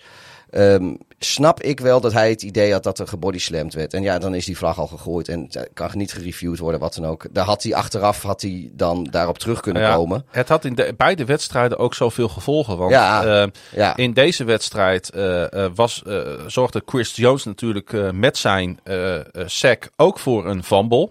En een recovery op een echt. Als je ook die Chris Jones is sowieso een geweldige speler. Maar als je dan met, met zijn atletisch vermogen hem en de fumble ziet maken. En dan ook op, binnen een seconde die bal recoveren. Eigenlijk was dit natuurlijk. Dit was natuurlijk textbook play Ja, als je gewoon rustig terugkijkt en dan nog eens een keer. Maar ja, dat eh, heb je gelijk in. Dat kunnen die scheidsrechters niet. Want eh, dit is ook niet reviewable. Hè? nee, Dat is natuurlijk ook een probleem. en ook niet challengeable. Maar ik, Nee. nee. nee, maar ik, ik, ik weet dus niet of er nou een agenda is naartoe, naartoe als verhaal om, eh, om daar wat mee te doen. Eh, dat, want dan is, dat, weet je, er zijn ook heel veel eh, roughing the passer calls of potentiële roughing the passer calls weer niet gegeven dit weekend. Nee. De arbitrage was, ja, hoe meer je kijkt, oh, ik heb het idee dat het of minder wordt of dat, dat wij het steeds minder gaan vinden. Maar eh, ja, Mijn hemel, ik heb er een op Lamar Jackson gezien. Die kreeg hem niet. Eh, maar dat zeiden de Raiders. Want we, laten we eens teruggaan naar die wedstrijd. ja de Raiders. de, Lamar Jackson is geen passer, dat is een runner. Ja, dat zal het zijn. De Raiders die zitten steeds net aan de verkeerde kant van de score. Iets waar wij al een beetje bang voor waren dit seizoen. Sportief doen ze het op zich prima, maar de Chiefs zijn net even te sterk. Al was deze nederlaag toch wel te voorkomen geweest. Want Devontae Adams, die eerder in de wedstrijd ook al een 48-yard touchdown catch ving, deed dat met 4,29 te gaan. Nog eens, maar dan met een 48-yarder. Ehm, dat kwam dan weer vlak na de laatste van vier touchdown catches door Kelce. Dat blijft een monster hè, op, Mhm. eh, op de velden. Wat na een gemiste two-point conversion leidde tot een 30-23 tussenstand. Raiders coach Josh McDaniels ging ook voor twee. Maar Josh Jacobs, die eigenlijk de hele wedstrijd de Chiefs defense te slim af was, speelde ook een geweldige pot, haalde de endzone net niet. En dat was wel een dure misser, want er werd niet meer gescoord. Dat had potentieel dus de game winner kunnen zijn. Maar het draaide nu uit op verlies. Moeten we hier nog wat van vinden van deze beslissing van Josh McDaniels? Of geef je in dit geval zijn agressiviteit wel eh, het voordeel van de twijfel? Ehm, ja, nee, ik, ik snap het wel, want inderdaad, eh, ehm, de hele wedstrijd eh, konden de Chiefs, die, eh, die, die, ja, die, die, die konden Jacobs niet stoppen. Nee. Ehm, maar je weet ook gewoon dat er nog dusdanig veel tijd op de klok stond dat, dat, dat, dat, dat Mahomes ook wel terugkomt. En dan hangt het van de tos af. En wat ik, ja, dus in principe leek het een zekerheidje dat je die two-point conversion eh, wel haalt. En ik vind ook dat je dat gewoon, ik vond de playcalling daar niet heel, niet heel denderend. eh, hoe ze het deden. Nee. Ehm, want het lag er echt zo dik bovenop wat ze gingen doen. Maar, eh, want Engman Carr had die bal ook gewoon kunnen gooien. hè. Ik, ik, Ja, ja. ja, weet je, two-point conversion, zo- gooi die bal in ieder geval. Zorg dat die bal de endzone in komt. En doe niet een tos of een dinges van achter, van, van achter de doellijn. Ik vond sowieso dat de Raiders gewoon echt een goede pot gespeeld hebben. Ja. hoor. Maar in ieder geval, de Raiders, ja, die zetten er dan op in dat eh, als de... eh, dat, dat, dat de Eh, dat dat dan de, de, de eindscore eventueel is. ja, maar dat, dat die dus ook gewoon voor de... Ja, eh, Anders was, anders was het op overtime natuurlijk eh, ja, uitgedraaid. Ja, of, of, de, de, de, ja, of de, inderdaad had, hadden ze dan ook de, een two-point conversion moeten maken. De, de Ja. Chiefs bij gelijkmaker. Ja. ja, dan heb je twee kansen om te stoppen. Dus ik, ik snap het wel. Ik, Nou ja. eh, Hey, er was eh, best wel een vervelend incidentje na deze wedstrijd. Want eh, Hij speelde fantastisch, Davante Adams. Maar eh, juist omdat hij zo fantastisch speelde, denk ik dat eh, het zo frustrerend voor hem was dat hij deze wedstrijd verloor. Hij duwde iemand, hè? Een, een, een fotograaf, of zo. fotograaf, ja. Die, eh, die, hij vond dat, eh, dat die fotograaf hem in de weg liep toen hij met al zijn frustratie zonder de arm naar de kleedkamer liep. En, Ja. en dat botvierde hij dus op die arme man die daar gewoon zijn werk doet, hè. Voor, Ja. een, voor een kutloon. Of Ik, als een freelancer. Dan ben je een hele kleine, hè? Als je dat doet. Ja. Ja, nee, hij, hij had wel op Twitter had hij, eh, nog zijn excuses aangeboden. En eh, met zo, hij zei ook, ik hoop dat die man dit leest. En had ik niet moeten doen, zo ben ik helemaal. En ik denk, ja, zo ben je wel, want je doet het. Juist, in- dit zijn de momenten waarop je laat zien hoe je bent en wie je bent. Ja. En eh ja, Devante Adams eh, staat er niet zo lekker op. En ik geloof dat die fotograaf heeft aangifte gedaan bij de politie. En, En de NFL die onderzoekt het incident ook. En ja, als je dan ziet dat... Wordt zelfs eh, al over een schorsing gesproken, begreep ik, hè? Ja, want we hebben natuurlijk gezien bij de, bij de Buccaneers tegen de Saints. eh, dat was Evans en... eh, nou, in ieder geval, daar is ook een van die jongens is geschorst voor een wedstrijd vanwege die duw. Nou, als, je, als, als dat al zo is, weet je, de, een, een, een on-field altercation, ook al is het terwijl het spel stil ligt, Ja. als je daar al een, een week voor gaat krijgen, ja, dan moet je toch als je bewust een, een, een, een medewerker of een eh, contractant van de league, eh, eh, of contractor van de league, omver duwt. Ja, dan. Ik denk dat de NFL ook wel een soort van statementje wil maken. En dit absoluut niet wil, eh, wil toestaan. als, de, als de NFL hier helemaal niks mee doet, of dit met weet ik veel 2500 dollar Mm, boete of zo mm. afdoet, dan vertelt de NFL toch eigenlijk dat iedereen die daar om het veld staat om het mogelijk te maken met de paraboolmicrofoons, de fotografen, de cameramensen, de, de, de kabeldragers, de, de, de, de security mensen, iedereen die die, die NFL-wedstrijden mogelijk maken. En daarvoor op of rond het veld moeten zijn, die verklaar jij feitelijk vogelvrij. Nou, dat klopt. Ja, dat kun je niet maken. Nee. Dus er zal wel wat komen. We gaan Ik dat, hoop eh, het. we gaan dat volgen. De Raiders die hebben komend weekend een bye. Spelen 23 oktober in Las Vegas tegen de Texans. En de Chiefs die hosten de Bills. En dat is natuurlijk een rematch van die playoff overtime thriller hè, van afgelopen Ja. januari. Ik wil eh, trouwens even dit moment eh, even aangrijpen Ja? om Wouter Holsappel aan te moedigen met zijn rondje hardlopen. Ja, ik zet de muziek even wat harder voor Wouter. Ja, hop, Kom op. Wouter. Ene, ene beetje voor de ander, hop, hop, hop. En over die Bills gesproken, die hadden natuurlijk een heerlijke middag hè, in Orchard Park tegen de Pittsburgh Steelers. En van zo'n overwinning zou ik ook harder gaan rennen. Gabe Davis was eindelijk weer eens de oude na een eh, toch wel langlopende enkelblessure. Hij zette samen met quarterback Josh Allen de toon met een game-opening 98-yard touchdown die je normaal gesproken van Stephon Diggs verwacht. Het was de langste completion in franchise history en werd opgevolgd door nog eens drie touchdown passes, inclusief een 62-yarder op opnieuw Davis en een 15-yarder op Diggs. En dat allemaal nog voor rust tegen een zieloze en door blessures getroffen Steelers secondary. Ja, wat was dit voor eerste helft van eh, Josh Allen tegen, Ja, het- t- tegen toch ook... Ja, oké, de Steelers natuurlijk hebben die persoonlijke, personele problemen. Maar 348 yards in één helft. nou, het- Er het- staat geen maat op deze op man, een hè? perfecte manier heeft hij het zwakke punt van de Steelers uitgebuit. Dat is gewoon die bal er overheen geworden. Ja, En, eh, en ja, weet je, zijn receivers hebben, hebben zowel 20, 30 yard nodig om hun man te verliezen op snelheid. Nou, en hij gooit die bal verder en is gewoon vrijlopen naar de endzone. En dat lukt hem gewoon een paar keer. ja en, maar, Dus gewoon be- maar, staat maar ook- Allen is ook iemand die dat kan. ja. En die Ah, de, de, zo 1, 1 op de 5, 6 is het ook een interceptie, hè? Maakt niet uit als die andere vijf al, eh, ja, al touchdowns die- zijn. Exact, dan maakt dat niet zoveel uit. Ik- Geef mij een quarterback die een 4-1, 5-1 touchdown-interceptie ratio heeft. En ik ben je, ik, ik, ik, ik teken meteen. Die eh, 348 yards, daarmee evenaarde hij precies, dus op de yard af. Ehm, eh, het, eh, even kijken, ik moet het goed zeggen. Evenaarde, da- eh, evenaarde daarmee precies de op één na meeste yards in de eerste twee kwarten in een NFL-wedstrijd sinds 1991. Ik hoop dat jullie het nog kunnen volgen. In het vierde kwart mocht Josh Allen trouwens rusten van backup Case Keenum. Ik weet ook af en toe niet wat ik hier allemaal zeg. En dan zie ik weer iets voorbij komen en dan noteer ik dat en dan lees ik het voor en denk ik, hoe heb ik dit in vredesnaam op papier gekregen? Ja.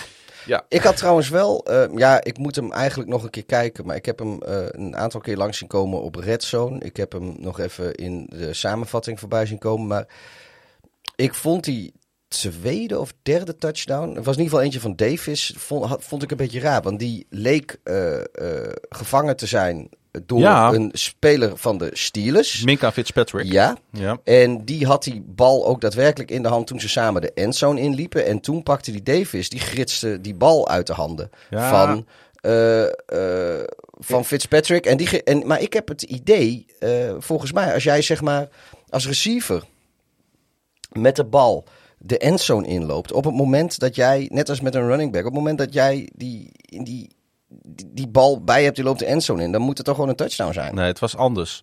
Hij ving de bal met zijn rechterhand op de goal line.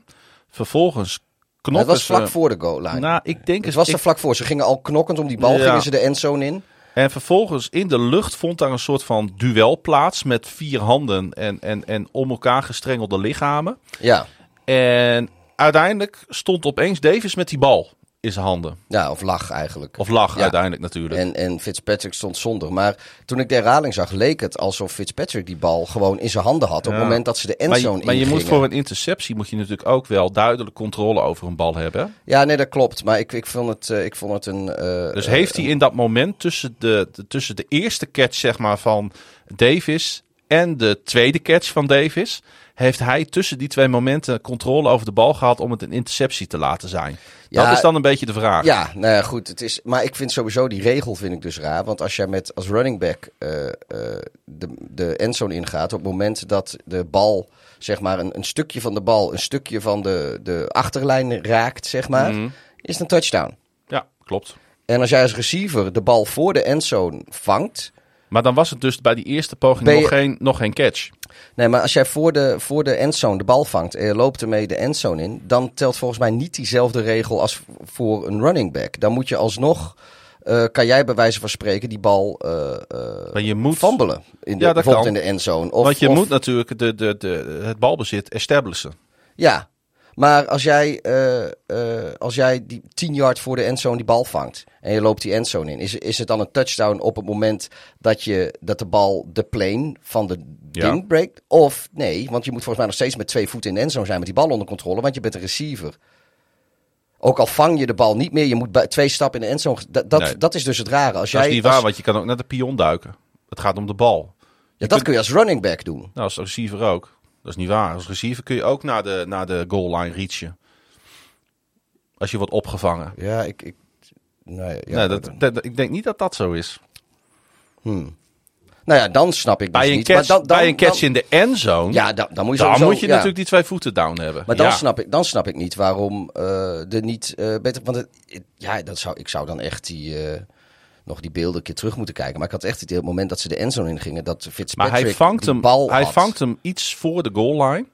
Hij heeft nog geen controle over de bal. Vervolgens heeft hij nog steeds geen controle. Want het lijkt er zelfs op dat Minka Fitzpatrick de bal Ja, precies. eh, En- wegfrommelt. Maar hij frommelt hem vervolgens weer weg bij Minka Fitzpatrick. ik- En dat is het moment dat hij wel Ja, balbezit het- het- het eh, stomme- creëert. is- en, en ook heeft op het moment dat hij op de grond ligt. Ja, alleen het, het rare is dus, ik had het idee dat die bal, die wordt dus gevangen voordat ze in de endzone zijn. En dat klopt, die wordt ergens eh, op de 6-yard line of 7-yard line wordt die gevangen. Ja. En het leek er even op dat op het moment, ja, ja, ik zit het nu te kijken hier, op het moment dat ze de endzone inlopen, heeft Fitzpatrick de bal. Kijk even met je mee. Ja, ja, ja. Ja, nee. Ja, nog een keer. Dit, vanuit dit standpunt. Hou. Ja, met Fitzpatrick, Fitzpatrick. Ze vechten allebei om de bal. Maar op het moment dat ze de endzone ingaan, eh, vind ik dat Fitzpatrick degene is die de bal heeft. Ja, daar lijkt het wel op. Ja, het is zo, maar dat Ja, is het is, zo nee, het is allemaal hele, helemaal lastig. Ja, dat klopt. Ja. Alleen, ik, ik, vandaar dat ik zoiets had van, had dit ook een... Ze hadden, voor, hadden ze het ook een interceptie kunnen noemen. Hadden ze kunnen. Ik denk. Dat is eigenlijk waar ik Is naartoe het, wil. is het dan zo'n situatie dat als ze de interceptie callen, dat ze die niet meer kunnen terugdraaien, omdat het niet overtuigende catch is? Maar nu eh, callen ze de catch, maar ze kunnen hem ook niet veranderen in een interceptie, omdat dat ook nou, niet ik- overtuigend ja, te bewijzen is. is. Dus, ik heb dus helemaal niet, eh, weet je, ik heb helemaal niet een, een, een idee gehad dat de scheidsrechter nog naar gekeken heeft. Er is geen, geen stance of overturned Nee, of confirmed klopt. geweest. Het is gewoon, nou, dat ding is even in New York Ja, gekeken. Ze hebben gezegd, ga maar door. Het was een bizarre play inderdaad. Maar ik, ik eh, ja, ik, dit, dit duurt alweer veel te lang. En de, de luisteraars hebben de beelden niet waar wij net naar keken. Maar die kunnen ze natuurlijk zelf wel vinden. Maar ik, ik vond het dus heel, dat ze heel makkelijk over deze touchdown heen stapte. Terwijl ik even het idee had van, ja, dit Nou, had, toch, had toch ook een interceptie kunnen zijn. Ik had of in het ieder geval ehm, was dichter bij een interceptie dan dat, Mm, eh, mm. dan dat er... Dan, nou ja, goed.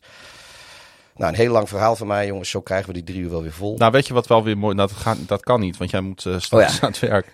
Maar weet je wat, wat, wat wel weer mooi is aan zo'n even zo'n discussietje wat we nu hebben? Zo zit dus in iedere wedstrijd zitten er constant allemaal van dit soort verhalen opgesloten. ja, En dat maakt ook iedere wedstrijd interessant en de moeite waard om over te praten. ja, alleen... Ook, al, ook al is het geëindigd in 38-3. Ja, maar dus ja, ik, ik, zat, ik begon het heel warrig met mijn running back en receiver verhaal. Maar eh, geldt er dus voor een interceptie andere regels dan voor een touchdown als passer? De, dat, dat vraag ik mij dus af. Moet je. eh, Nou ja, eh, ik weet niet of je het heel... is Ga je, catch, ga je toch? druk krijgen vannacht op je werk? ja, altijd heel druk, hè? Ik zou het eh, kijken of je een pauzemoment kan inlasten om het... Nou ja, en anders is er vast wel een luisteraar die dit weet. Maar ik, heb dit, ik, ik vond het een, een wat rare, Ja. rare play. Davis werd wel de vijfde NFL-speler in deze eeuw. Want ik kom natuurlijk wel weer met een statistiekje op de proppen. Met twee touchdown passes van 60 yards of meer in dezelfde wedstrijd. En de eerste sinds Cincinnati's Jamar Chase dat deed in een 34-31 overwinning op Kansas City op 2 januari dit jaar in het vorige seizoen. Ehm, en er ging dus echt bitter weinig voor de, eh, goed voor de Steelers. Hè, die nu Ja. vier wedstrijden op rij verloren hebben. Hun langste negatieve reeks sinds ze in het seizoen 2013 het jaar begonnen met vier nederlagen. De nederlaag was de grootste voor de Steelers sinds een 51-0 nederlaag tegen de Cleveland Browns op 10 september 1989. Vraag me niet waar ik dit gevonden heb. Maar het is echt zo. In 89 waren de Browns best wel goed. Als je met 51-0 van de Steelers wint. Hey, eh, na zijn twee touchdowns van vorige week was er wellicht hoop voor de Steelers-fans. eh, eh, op op, op hè, rookie quarterback Kenny Pickett. En eh, daar, daar hint jij ook wel een beetje op in onze extra podcast. Jij zei van ja, eh, je moet Pickett gewoon opstellen in Buffalo. Want dan hebben de Steelers-fans iets om naar uit te kijken. Ehm, Ja, nou, dat, eh, dat, ging, dat ging hartstikke mooi. dat ging anders. Maar, Maar, laten we ook niet doen alsof ze met Trubisky wel even van de Bills hadden gewonnen. nee, natuurlijk niet. Ehm, maar Hoewel was wel een revenge game geweest. Ja. Ehm, maar een beginnende quarterback, wat je natuurlijk bij de Patriots zag, heeft natuurlijk ook hulp nodig van zijn defense. En die moest het doen zonder top pass rusher TJ Watt, starting safety Terrell Edmonds, starting cornerback Akilo Witherspoon. En tijdens de wedstrijd vielen cornerback Cam Sutton en defensive tackle Larry Ogunjobi ook nog eens uit. Het seizoen van de Steelers, eh, we hadden het net over Washington, Pieter dat daar eh, weinig hoop gloort. Maar moeten we dat niet ondertussen ook een klein beetje gaan constateren voor de Pittsburgh Steelers? Nou ja, het wordt nu van lang seizoen en Ja. die, eh, die eh, al die jaren boven Ook, punt ook 500 één van, vier eh, maanden nu. van Mike Tomlin, dat, die kon ook wel eens zomaar op zijn einde komen. Ja, en de Bills die gaan naar de Chiefs. Dat zeiden we net al. En voor de Steelers wordt het er niet makkelijker op. Want ze hosten namelijk zondag Tom Brady en de Tampa Bay Buccaneers. Dus het zou zomaar eens eh, ook 1-5 kunnen zijn na zes weken. En De 4-1 Bills tegen de 4-1 Chiefs. ja, een leuke pot. Ja. De Tampa Bay Buccaneers dus, die eh, ja, mede dankzij de Zebra's thuis van de Atlanta Falcons wonnen. Een team waar Brady nog nooit van verloor. Maar de zegen zat er sowieso wel een beetje aan te komen. Brady verloor de afgelopen 20 jaar nooit drie wedstrijden op rij. En dus moest Atlanta er hoe dan ook aan geloven. Na een eh, 21-0 voorsprong wonnen de Bucks met 21-15 en dankzij de veelbesproken vlag kregen de Falcons geen kans op een spectaculaire comeback. Brady wilde er niet al te veel over kwijt en Jared ook niet. Brady, die de afgelopen weken nog van Rodgers en Mahomes verloor, is nu 11-0 tegen Atlanta. Inclusief één van zijn zeven Super Bowl overwinningen. Die Super Bowl kunnen we ons allemaal nog wel herinneren. Ja. Ehm, iedereen heeft het natuurlijk over die, had het over die vlag. Maar daardoor eh, werd een ander opvallend moment in deze wedstrijd eh, onderbelicht. Want dat was namelijk het moment dat er een jonge jongen het veld oprende. Na Wat, de eh, eerste ik- van... eh, Ik heb daar niks van meegekregen. Jo, wat is jonge jongen? Is dat, is dat 4 of 5? Of is dat jaar Nou, of 13? Of, dat- of dat gewoon is- 21? Dat is een goede vraag. Eh, want eh, zijn moeder verklaarde na afloop van de wedstrijd dat hij tien jaar oud was. 10 dus, oké. Dat is dat- jong inderdaad. Maar dat werd door de politie tegengesproken. Want... Zei 11. moeder was zo in de war. Dat eh, ze was met, met een aantal kinderen daar dat ze niet meer doorhad welk kind nou het veld op was gesprongen. Had ze nou zoveel kinderen? En waren dat allemaal haar eigen kinderen? En Ja, raar verhaal, hè?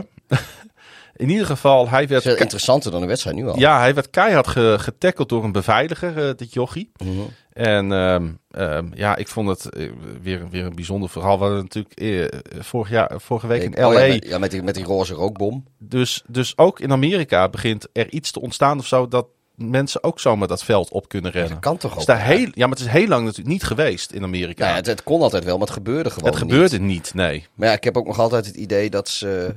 God, het was er ook zo'n speler van de Rams die dat voor, vorige week zei. Van, ja, ik dacht misschien heeft hij, misschien wil hij wel een aanslag plegen. Er zit daar op de een of andere manier zit daar ook Ja. eh, eh, de angst volgens mij in dat, dat, dat mensen dan misschien wel een aanslag plegen. En ja, ik heb dan ook, weet je, voor hetzelfde geld schieten ze je in je rug. Want er staat ook gewoon politieagent. Er staat vaak- van die state troopers staan vaak Mm. eh, in die stadions. En die staan met daar- die mooie cowboytjes. En die En staan daar niet voor niks. En die staan daar gewapend. Ja. Aan de andere kant, je wilt toch ook niet die agent zijn die, eh, die een streaker in zijn, in zijn rug wil schieten. En vervolgens Tom Brady door zijn knieschijf heen jast. Weet je, dat, dat, dat, die wil je ook niet zijn. Maar eh, ja, het komt, komt wat vaker voor. De Falcons kwamen dus terug in de wedstrijd. Want laten we toch heel even nog over de wedstrijd hebben. Door een eh, 19-yard touchdown van Marcus Mariota op Olamide Zacchaeus. Plus een two-point conversion pass op Carell Hodge. Met nog 4.38 op de klok in het vierde kwart. En ik weet niet hoe het met jou zat. Ik zat eh, deze wedstrijd natuurlijk op Red Zone te kijken. 21-0 voor de Buccaneers. 21-7. 21-15. We weten een beetje hoe de Falcons dit seizoen eh, spelen. Ja, Ik denk, we gaan er eens even lekker voor zitten. We gaan, eh, nu, voor, we gaan nu zien dat Tom Brady voor het eerst in 20 jaar drie wedstrijden op rij verliest. Ook nog eens drie thuiswedstrijden. En dan komt natuurlijk die controversiële Ja, ja. call. Waar we, waar we het zelf niet meer over de call zelf niet meer gaan hebben. want Daar gaan we het niet meer over hebben, nee. Maar eh, ik, ik kan me voorstellen... Als, ik, als je toch Falcons fan bent... Dat is, hoe fucking frustrerend is dit? Het was voor mij... Ik zat... Ik, ik had echt zin om alles kort en klein te slaan daar. In proeflokaal Hooghout dan, hè? Ja, ehm, ja nee, het, het, weet je, het was gewoon een enorme anticlimax. En eh, Hoe leuk was het geweest, laat ik het zo zeggen, dat het wel was gelukt voor de Falcons. Want die two-point conversion was niet voor niks. Hè. Ik vond het best wel een goede Ja. call. Want dan is het zes punten. Dan weet je van, oké, of met een eh, touchdown en een eh, point after kunnen we de wedstrijd winnen. Of eventueel twee field goals. Want dat is dan natuurlijk de andere rekensom. ja. Nou ja, het gebeurde dus niet, eh, helaas. mis je toch eh Cordero Patterson? Ja, die missen ze echt wel hoor. Want ze begonnen deze wedstrijd natuurlijk als meest productieve running. eh, met, hun meest, met een van de meest productieve run games in de league. Ehm, eh, en nu was Mariota de meest effectieve runner bij de Falcons met 61 yards. En ze misten natuurlijk ook nog Cal Pitts, hè, hun Ja. star tight end. Die eh, te veel last had van een hamstring blessure. Ja, en dan ga je niet winnen in Tampa Bay. hè. Arme Pits. Ja. De Buccaneers die reizen af naar de Steelers en de Falcons. Die keren terug naar Atlanta voor een thuisduel met de San Francisco 49ers. En die, die hadden geen enkele moeite met de Carolina Panthers. Die eh, tijdens off-season nog hadden geprobeerd hè, de Sean Watson naar Charlotte te halen. Ik zei het al eh, in het eh, stukje aan het begin van deze uitzending. Dat lukte uiteraard niet en dus moesten ze een keuze maken tussen Jimmy Garoppolo en Baker Mayfield. Ze kozen laatstgenoemde, maar werden vernederd door die eerste. Maar Jimmy G was niet de enige die sterk speelde. Emmanuel Mosley intercepte Mayfield en returnde de bal 41 yards voor een score. En uiteindelijk spaarden de 49ers de Panthers nog met 37-15. De tiende nederlaag voor de Panthers in 11 wedstrijden. En Garoppolo, ja, die is nu 2-1 als eh, starter. Hè, sinds hij natuurlijk de geblesseerde Trey Lance eh, verving. Ja, ik vind wel dat hij indruk maakt de laatste twee weken. Ja, hij is natuurlijk sowieso, is- was Garoppolo is groot geworden als, als vervanger van een geblesseerde Als backup, starter. ja. Eh, nee, maar ja, vooralsnog gaat het prima. Maar Niners ook- kunnen zich niks beters wensen dan Garoppolo op dit moment. Nou ja, hè? dit, dat is natuurlijk een, een, misschien was het, het is ook een van de duurste, of het is de duurste, maar het is ook een van de beste backup quarterbacks eh, in de league. En Nou, het had wat geld ingeleverd natuurlijk. Hè? ja, maar nog steeds is hij een van de duurdere backups, laten we wel zijn. Maar dat, eh, het is ook prima, weet je. Hij is gewoon, eh, eh, dat, dat team is zo getalenteerd dat ja, de- Garoppolo heeft ze, heeft ze eh, naar de Super Bowl gebracht in een, eh, in een verleden. Ja. En nog een keer bijna naar de Super Bowl. Hmm. En volgens mij nog een keer bijna naar de Super Bowl. Volgens mij hebben ze twee, eh, twee NFC, drie NFC Championship games en een Super Bowl heeft hij ze volgens mij heen gebracht. Ehm, dus ja, het- hij kan dat wel. Met, en dat team is, zit ook gewoon goed in elkaar. Dus ja. Ja, want ze hebben best wel last van blessures, maar Dus ze elke staan keer als vrij de, hoog. Ze staan vrij hoog weer in een blessurestaatje. ja, de, de Ravens zijn weer eh, daar het eh, helaas. Achtste, dus die stonden achtste. Eh, ik zag, ik, ik, het was zeg maar met het Ook aantal gem- Ja, het- gemiste speelminuten van Ah, die. starters. Ja, Ja, en ja. daar... eh, In de bad luck eh, index stond eh, Baltimore oh ja. bovenaan. Nee, maar daar Of beter gezegd, onderaan. Volgens mij stonden de Niners stonden weer eerst of tweede in Ja. dat rijtje. En jullie stonden ergens rond de tiende plek. Ja, ook, ook achtste, niet, negende. niet zo best. Hey, eh, maar wat die 49ers hebben, dat is constant dat next man up, eh, eh, Ja. eh, best man up principe. Want nu opeens is die Jeff Wilson, eh, eh, de, de running back, die rende voor 120 yards en een touchdown. En Tevin Coleman scoorde twee keer voor de 49ers nadat hij pas een paar dagen voor de wedstrijd werd overgeheveld naar het active roster. Dus wel zo'n team wat tegen een stootje kan en gewoon qua rosteropbouw ongelooflijk goed in elkaar zit. Ja. ja, dat is waar. Deze zege kwam echter ook niet zonder verlies, want eh, let u op, cornerback Mosley, die op prachtige wijze die defensive touchdown scoorde, scheurde zijn ACL en komt niet meer in actie dit jaar. Pass rusher Nick Boza staakte de strijd met een liesblessure. Safety Jimmy Ward brak zijn hand. En kicker Robbie Gold liep een knieblessure op. Ja, en om, dat om een return te, te blokken. Ja. Dat deed- moest hij twee keer achter elkaar doen. de sukkel. Ja, enerzijds. Aan de andere kant, kom op man. Als je special teams eh, zo slecht is dat ze tot twee keer toe hoort op de kikker aankomt om de return Ja, te dat is blokken. ook wel dan, eh, maar goed, ja, Maar goed, nu ligt hij er even af met een Ja, maar ik vraag me ook, ik, ik, en ik snap ook wel dat je sukkel zegt, maar ik vraag me echt af, wat nou als je gewoon het zegt, ja, fok dat we, nou, zeker na die eerste keer, want Mhm. toen wa- was het al, werd hij al vrij, vrij hard geraakt, dus het ziet hem dat hij de tweede keer weer doet. Maar wat als hij de tweede keer gewoon zegt van, loop maar door. Ik, en, ik eh, denk dat het. Ik denk en, dat, en, dat, eh, en, dan- en dan wordt het een touchdown. Hoe, hoe reageert eh, Niner Nation dan op Gold? ik, denk, ik denk dat ze dat, dat, daar goed op reageren. Ik denk dat. Het was sowieso natuurlijk een thuiswedstrijd voor de Niners. Maar ik denk dat het publiek daar geen moeite mee had gehad. Ja, Als je een beetje voetbalintelligent publiek bent. Ik weet het niet hoor. En ze hebben natuurlijk al een waslijst aan blessures bij de Niners, Pieter. Ja. Want ik noemde nu deze topspelers op. Maar ja, Trent Williams ligt er natuurlijk af. Rick Armstead ligt er af. Eh Javon Kinlaw hè, met, eh, met een zware knieblessure. Eh, die, die, die running back, die andere, daarom, daarom moest natuurlijk ehm eh, Dingetje het vandaag doen, of zondag doen, Jeff Wilson. Tar- Tarian Davis Price ligt eruit. Hun safety, Moore, hamstringblessure. Het begint zich wel weer op te bouwen daar in San Francisco. Hè? Op eigenlijk een ongenadig harde manier.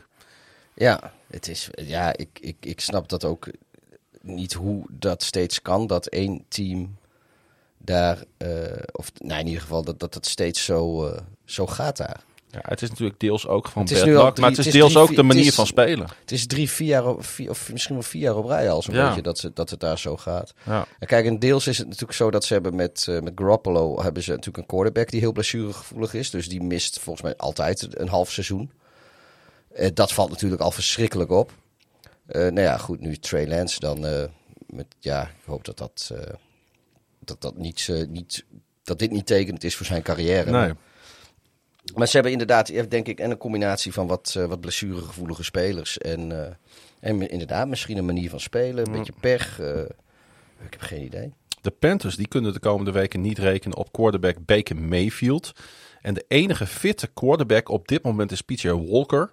Mayfield blesseerde in de eerste helft zijn enkel, maar speelde door de pijn heen. Hij heeft dit seizoen net zoveel intercepties als touchdowns gegooid, zag ik. Vier stuks van allebei. Schijnt dat ze bij de Panthers voorlopig met Rule ook moeten missen. Ja, die komt eh, nooit meer terug, kan ik je vertellen. Ah, nooit. Zeg nooit, nooit. Er is één heel klein lichtpuntje bij die Panthers en dat blijft Christian McCaffrey. Hè? Weer een 100-plus yard game. Touchdown gescoord. Die arme, arme McCaffrey. Die in Zou net wat voor eh, Seattle zijn. Ja.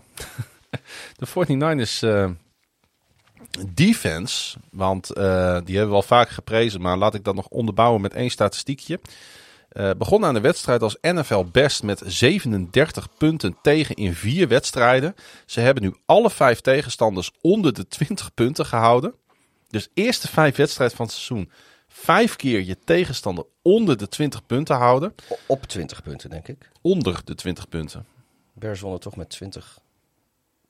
Eh, was het, eh, 20 punten? 20 punten of minder is het dan. ja, Ja, zegt dus zo op, moet ik op, het zeggen. op 20. op 20, punten, ja. of minder. En de 49ers die eh, werden in Charlotte gesteund door een rode zee aan uitsupporters. Ik heb zelden een stadion Nee, sorry, zo- 1910. Ah, kijk, heb ik wel gelijk. Extra point gemist, ja. Ik, ja, ik kan, kan, ja, nee, kon me al niet voorstellen dat ik, dat ik dit fout had. Eh, ik heb het natuurlijk wel eens fout, maar eh, deze had ik namelijk opgezocht. ehm, die de sfeer van een thuiswedstrijd neerzetten. Dat was wel echt heel opvallend. De 49ers gaan op bezoek in Atlanta en de Panthers spelen ook uit. Namelijk in LA tegen de Rams. Dat is wel een fijne break dit voor de Rams. Hè? Wat dat betreft, die eh, konden dit wel gebruiken. De Rams, die nog in weinig op het Super Bowl winning team van vorig jaar lijken. Op de derde offensive play van de wedstrijd knokte Dallas Cowboy Dorrance Armstrong zich door de O-line om Matthew Stafford met een bezoekje te vereren. De Marcus Lawrence scoopte de quarterbacks fumble op en rende er de endzone mee in. Het was slechts de tweede touchdown voor Lawrence in negen seizoenen NFL. Hij kon het bijna niet geloven.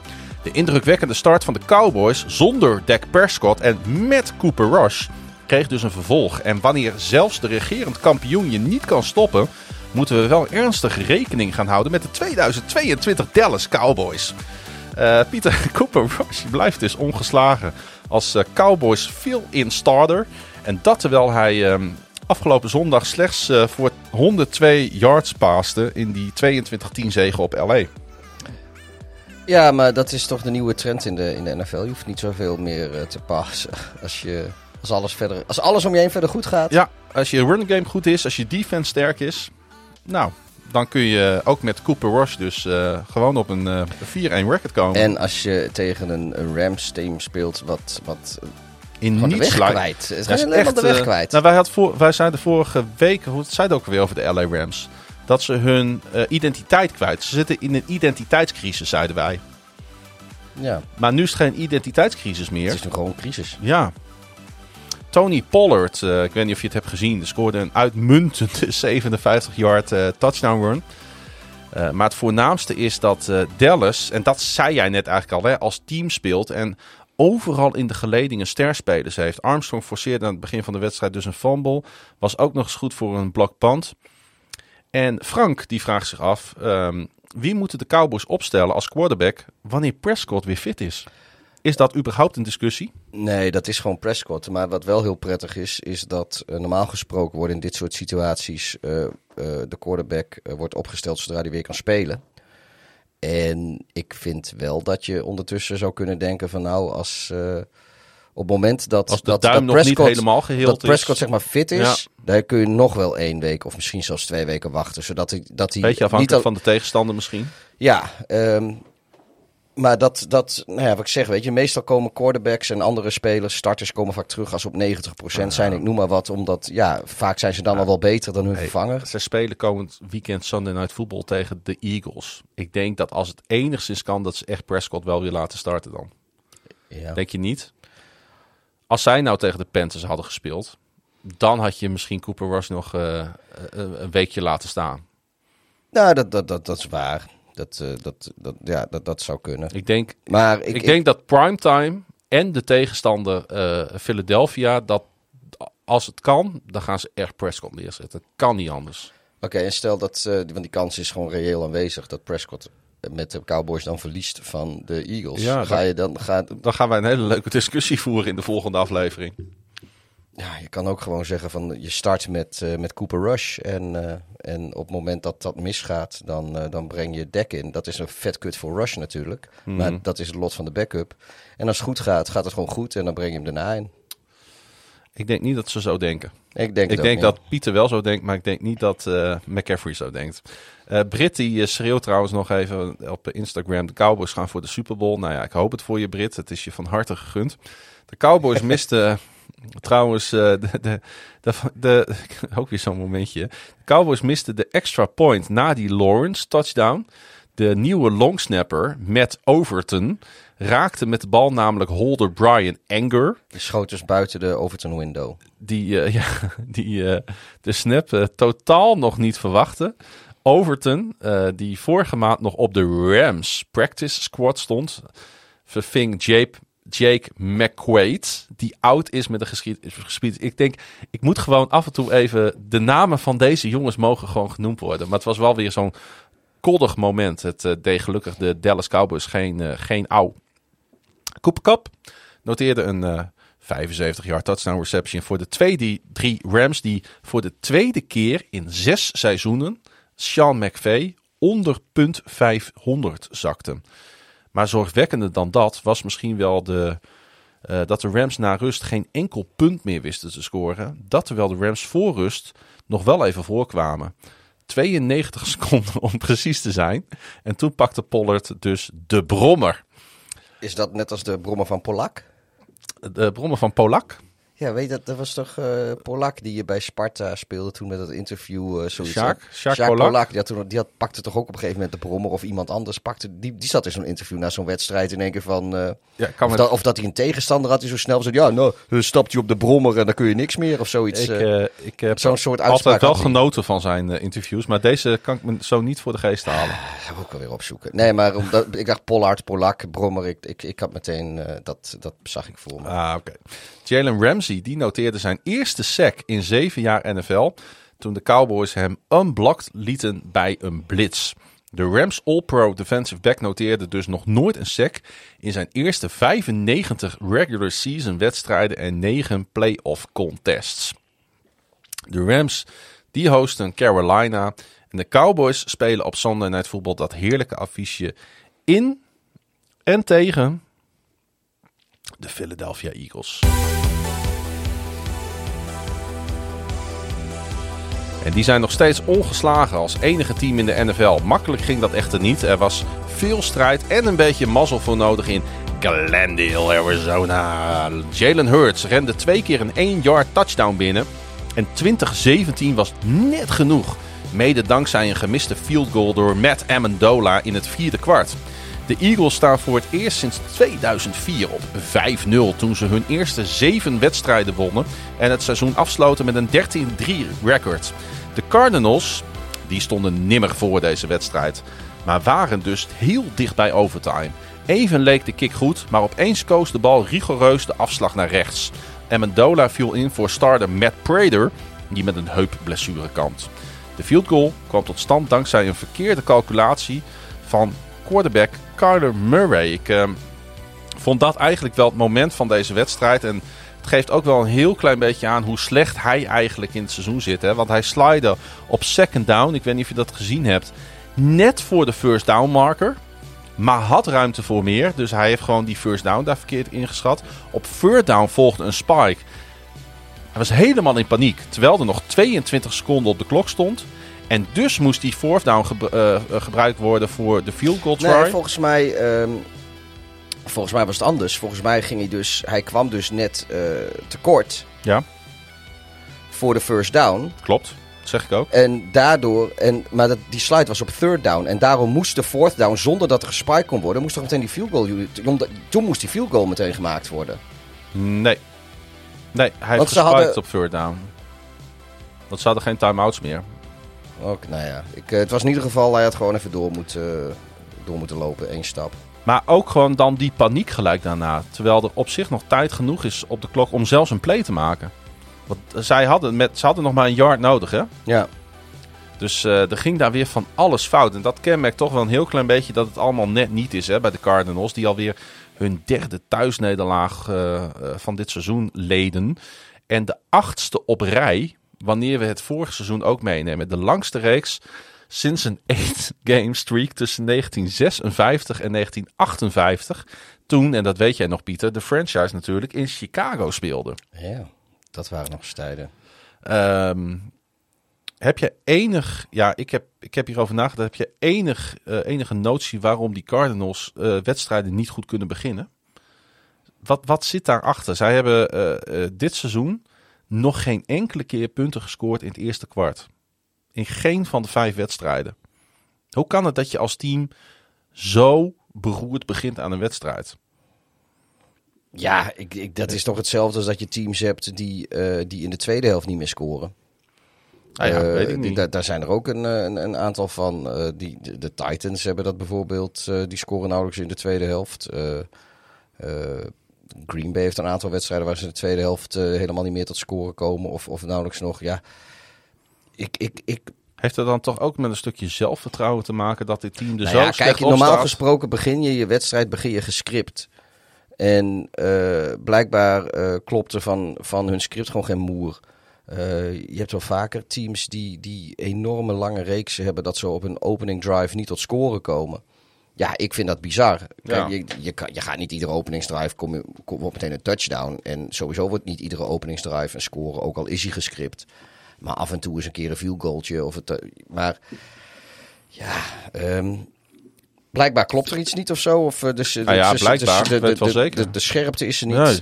Maar het, het verbaast mij wel hoor dat, eh, dat eh, ze nog zo dichtbij kwamen. Want eh, op het moment eigenlijk dat, eh, dat ze bezig waren met die laatste drive, de, de, de, de Eagles konden ze niet echt stoppen. Als hij gewoon een stap extra had gelopen en hij had die first down gehad en ze waren gewoon doorgegaan eh, nog. Ik, ik, ik, ik had- had echt het idee dat de Cardinals die wedstrijd nog ja, zouden daarom winnen. vond, ik, dit- daarom vond ik dit dus het moment van de wedstrijd. Deze verkeerde calculatie van, Ja. eh, van Kyler Murray. Want, Want ik- had ik- ook het idee inderdaad Nou, dit, dit gaat dat de eh, Eagles eh, rijp waren voor eh, het vol in deze bananenschil eh strappen. Want we hebben het daarover gehad natuurlijk afgelopen vrijdag in onze voorbeschouwingspodcast.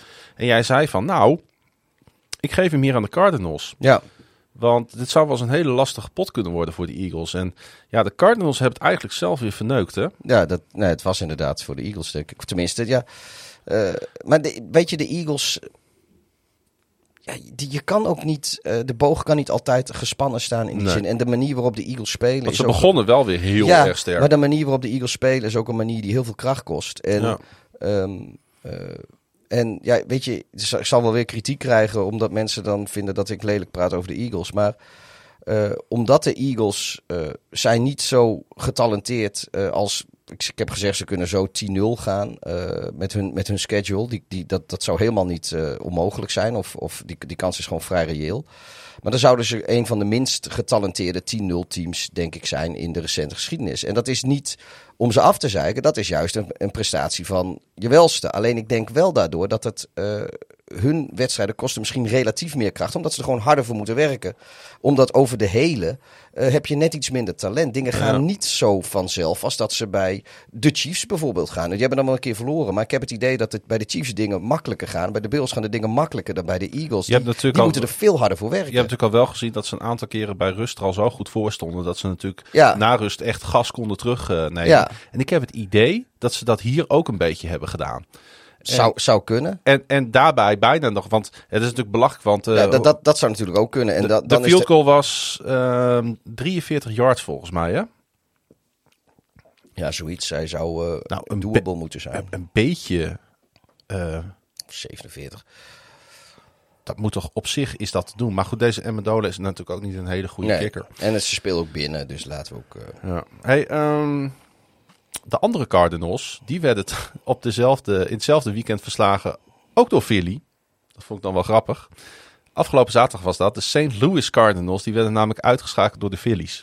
ja, in, eh, in de MLB. eh, Dus het was, is een eh, wild, was dat een wildcard eh, Ja, playoff? ja. dus het was dubbelfeest in, in sportstad Philadelphia.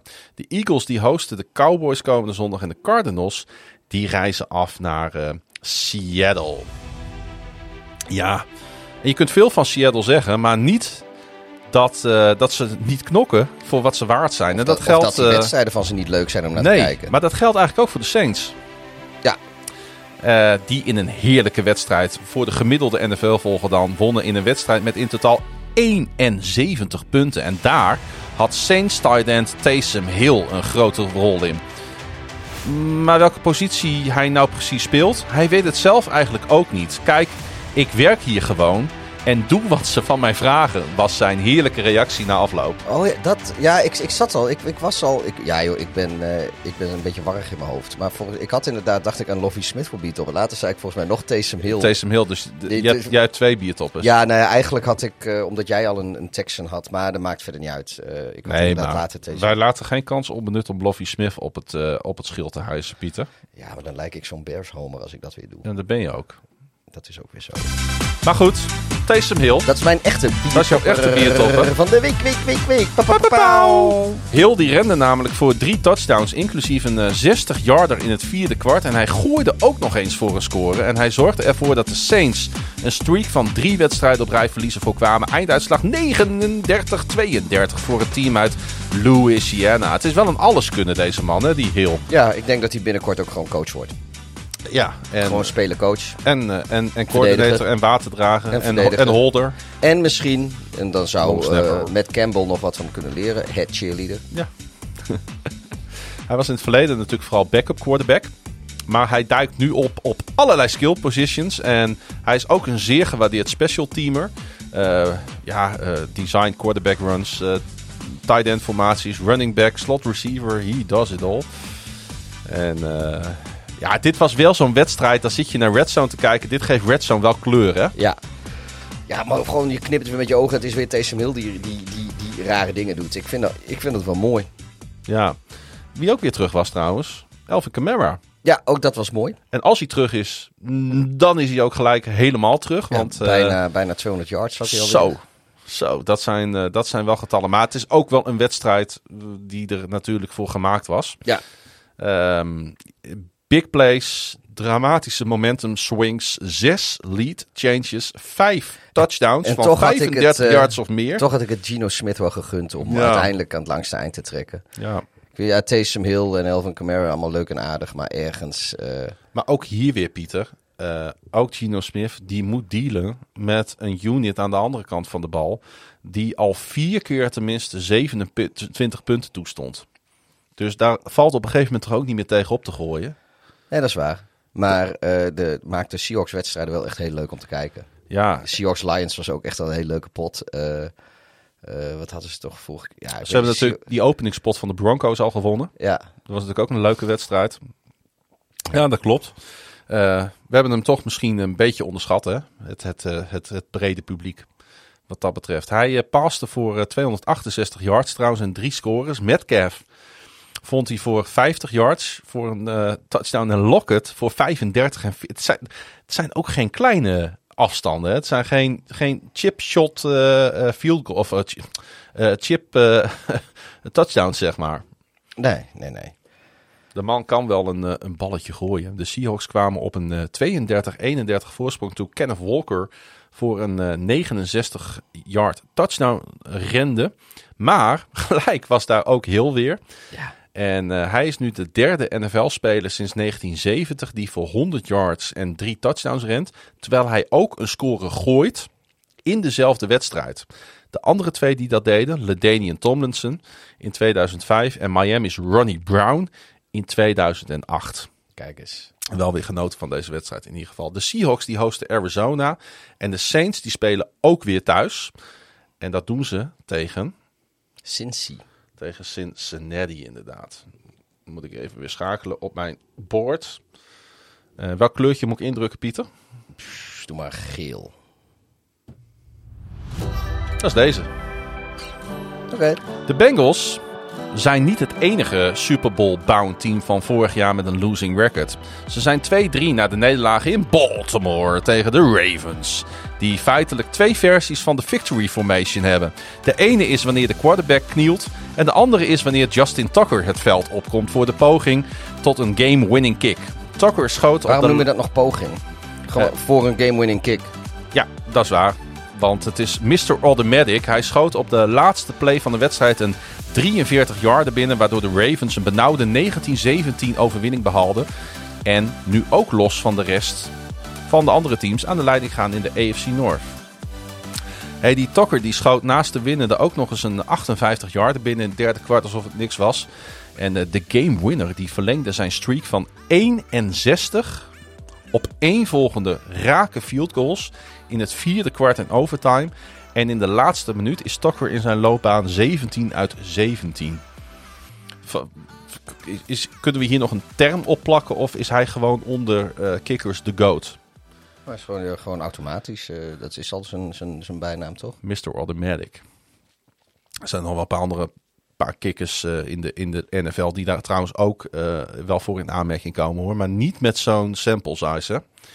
De field goal werd opgezet door eindelijk een goede drive van Lamar Jackson. Die het de rest van Sunday Night Football best wel lastig had. Met zowel zijn benen als armen. Maar dat gold ook voor zijn collega aan de andere kant. Hè. Voor Joe Burrow. Baltimore gaf in de vorige twee thuiswedstrijden nog voorsprongen van 21 en 17 punten weg. Toen ze Miami en Buffalo ontvingen. En in deze wedstrijd zagen ze een voorsprong van 10 punten verdampen. Eh, ja, is dit dan typisch zo'n voorbeeld van het beste medicijn om eh, de weg naar boven weer te vinden? Is gewoon eens een keer weer een overwinning behalen?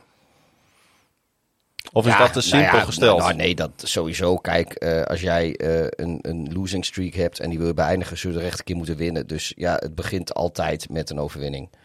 Ik snap het wel dat het een beetje een open deur is, maar ik zeg het natuurlijk heel Hetzelfde bewust. van als je iets kwijt bent. Ja, dat ligt op de laatste plek waar je zoekt. Want geen Mongool die gaat nog doorzoeken als hij het al gevonden heeft. precies. Maar eh, ehm, Maar er is natuurlijk wel wat gebeurd, hè? Want we kunnen ons allemaal nog wel die, die onderlinge wedstrijden van vorig jaar herinneren, denk ik, tussen de Bengals en de Ravens.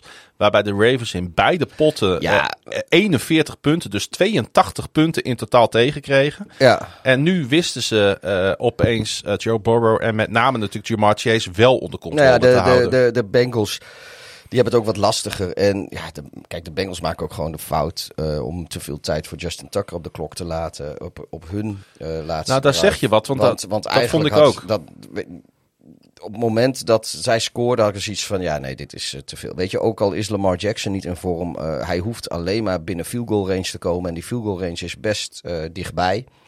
Ehm, voor, als Tucker je kicker is. En eh, weet je, dat, dat, dat kan hij wel, ook al zit hij niet in de wedstrijd. Dat lukt Hij- eigenlijk altijd Hij had wel. natuurlijk één geweldige run in die laatste drive. Ja, ja, ja, ja. ja. Dat, maar En dat- toen was dan, klaar. Dan, dan wordt, eh, weet je, dat zijn ook precies de momenten waarop, eh, op, op, waarop Lamar wakker wordt. Maar ja, ik vind het gewoon niet zo handig uitgespeeld van de Bengals. Want Nee. ja, feitelijk hadden ze die wedstrijd, ja, voor het oprapen is, wat, is een wat groot woord.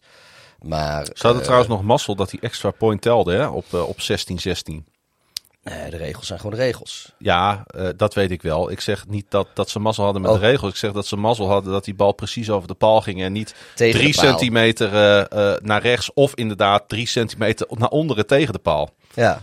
Nee, het is, het is Zo, wel- zo bizar zie je, zie je het niet ja, vaak. het is natuurlijk wel raar dat, dat, dat feitelijk, als je de bal tegen de paal schiet, dat hij eigenlijk zou moeten tellen, omdat de, rechterkant van de bal zit nog steeds verder naar binnen dan de meest rechtse kant van de paal. Hmm. Dus in die zin snap ik wel dat heel veel mensen dat heel verwarrend vonden, want dat, is het natuurlijk ook. Maar het is wel in lijn met hoe ze met al hun eh, zijlijn- en doellijn eh, regeltjes hebben. Ja. Ehm, maar eh, ja, in dit geval zou ik inderdaad ook zeggen van joh, het zou daar niet moeten tellen. En pak gewoon de paal, de binnenkant van de paal als uiterste van, van het doelgebied. Zou ik, zou ik handiger vinden. Eh, anyway, ja, eh, Hij ging erin. Toen stonden ze dus voor met 16-17. En er stond nog genoeg tijd op de Ja. klok inderdaad. Voor de Ravens om gewoon eh, een winnende field goal op poten te zetten. De Bengals die bezoeken de Saints. En de Ravens die reizen ongetwijfeld weer per trein naar New York. Om het daar na eerder dit jaar de Jets nu op te nemen tegen de Giants. Want eh, als de Baltimore Ravens in New York spelen, gaan ze altijd met de trein. Vind ik altijd leuk. hebben ze dan een eigen wagon of gaan ze gewoon lekker tussen de rest zitten in, hoe heet dat ding, de Acela of zoiets? Eh, de Aquila heet het volgens mij. eh, Oh ja, maar dan zo met een spreek je C. volgens mij uit. maar je kunt natuurlijk ook gewoon met de, met de Noord-Zuid corridor kun je reizen. Ja.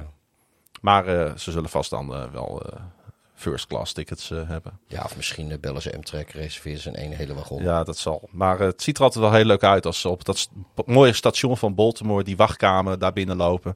Met, eh, met, Wachtkamertje, het is vrij, ja, vrij het is, klein niet zo, het is vrij klein, maar zij stappen daar dan met het hele team. Dus met eh, 53 spelers en 10 coaches en zo. Stappen ze dan dat station binnen. Ik vind dat ook, zeg maar, community-wise, vind ik dat altijd een prachtig gezicht. Jij als Ravens-fan en trein-fan en moet, fan van het station van Baltimore. moet, je, moet je dan, heb je, dan, dan lek je natuurlijk een beetje uit alle, alle lichaamsholtes als je dat Ja, ziet. dat, daar word ik echt ontzettend vrolijk van, inderdaad. ik heb het zelfs als achtergrond op mijn telefoon gehad. Een foto van de Baltimore Ravens op het station van Baltimore. Kijk, Ja, dat, dan komt alles in mijn leven komt eigenlijk, eh, komt eigenlijk eh, komt dan kijk, samen. die oncomfortabele houten bankjes. Ja, maar dat valt ook wel weer mee. Dat heeft toch ieder Amerikaans station. Ja, Eh, maar die hebben van, van die oude houten, eh, van, van gelak, eiken gelakte banken staan overal. Ja, alleen ik weet in, eh, in, ik, ik, in Baltimore kun je net niet lekker achterover zitten. Weet je, dan, je, daar zijn ze tegen de muur, tenminste waar wij zaten. Mm, En dan zit er zo'n zo'n kuiltje in. ja. En, en dan zit je dus eigenlijk alsnog heel ongemakkelijk. Terwijl met dat kuiltje zou je eigenlijk wat verder achterover willen Ik zitten. zou iedereen die, die eens een keer op het station van Baltimore zou ik willen adviseren om eens een keer dat bankje uit te proberen. Ja, ik, tot zover de, de, de, de nieuwe item stationsreview. Eh, nou ja, wij, wij komen graag, we, nou, nou, we komen graag in Baltimore. Dat is het ook natuurlijk. Natuurlijk wel een hele fijne stad om een paar dagen door te brengen. En het liefst natuurlijk met de trein. We zijn aanbeland bij de laatste wedstrijd, Pieter. nu al. Ja, valt het je mee? Eh, we hebben geen Thursday night eh, hoeven doen natuurlijk. Nee.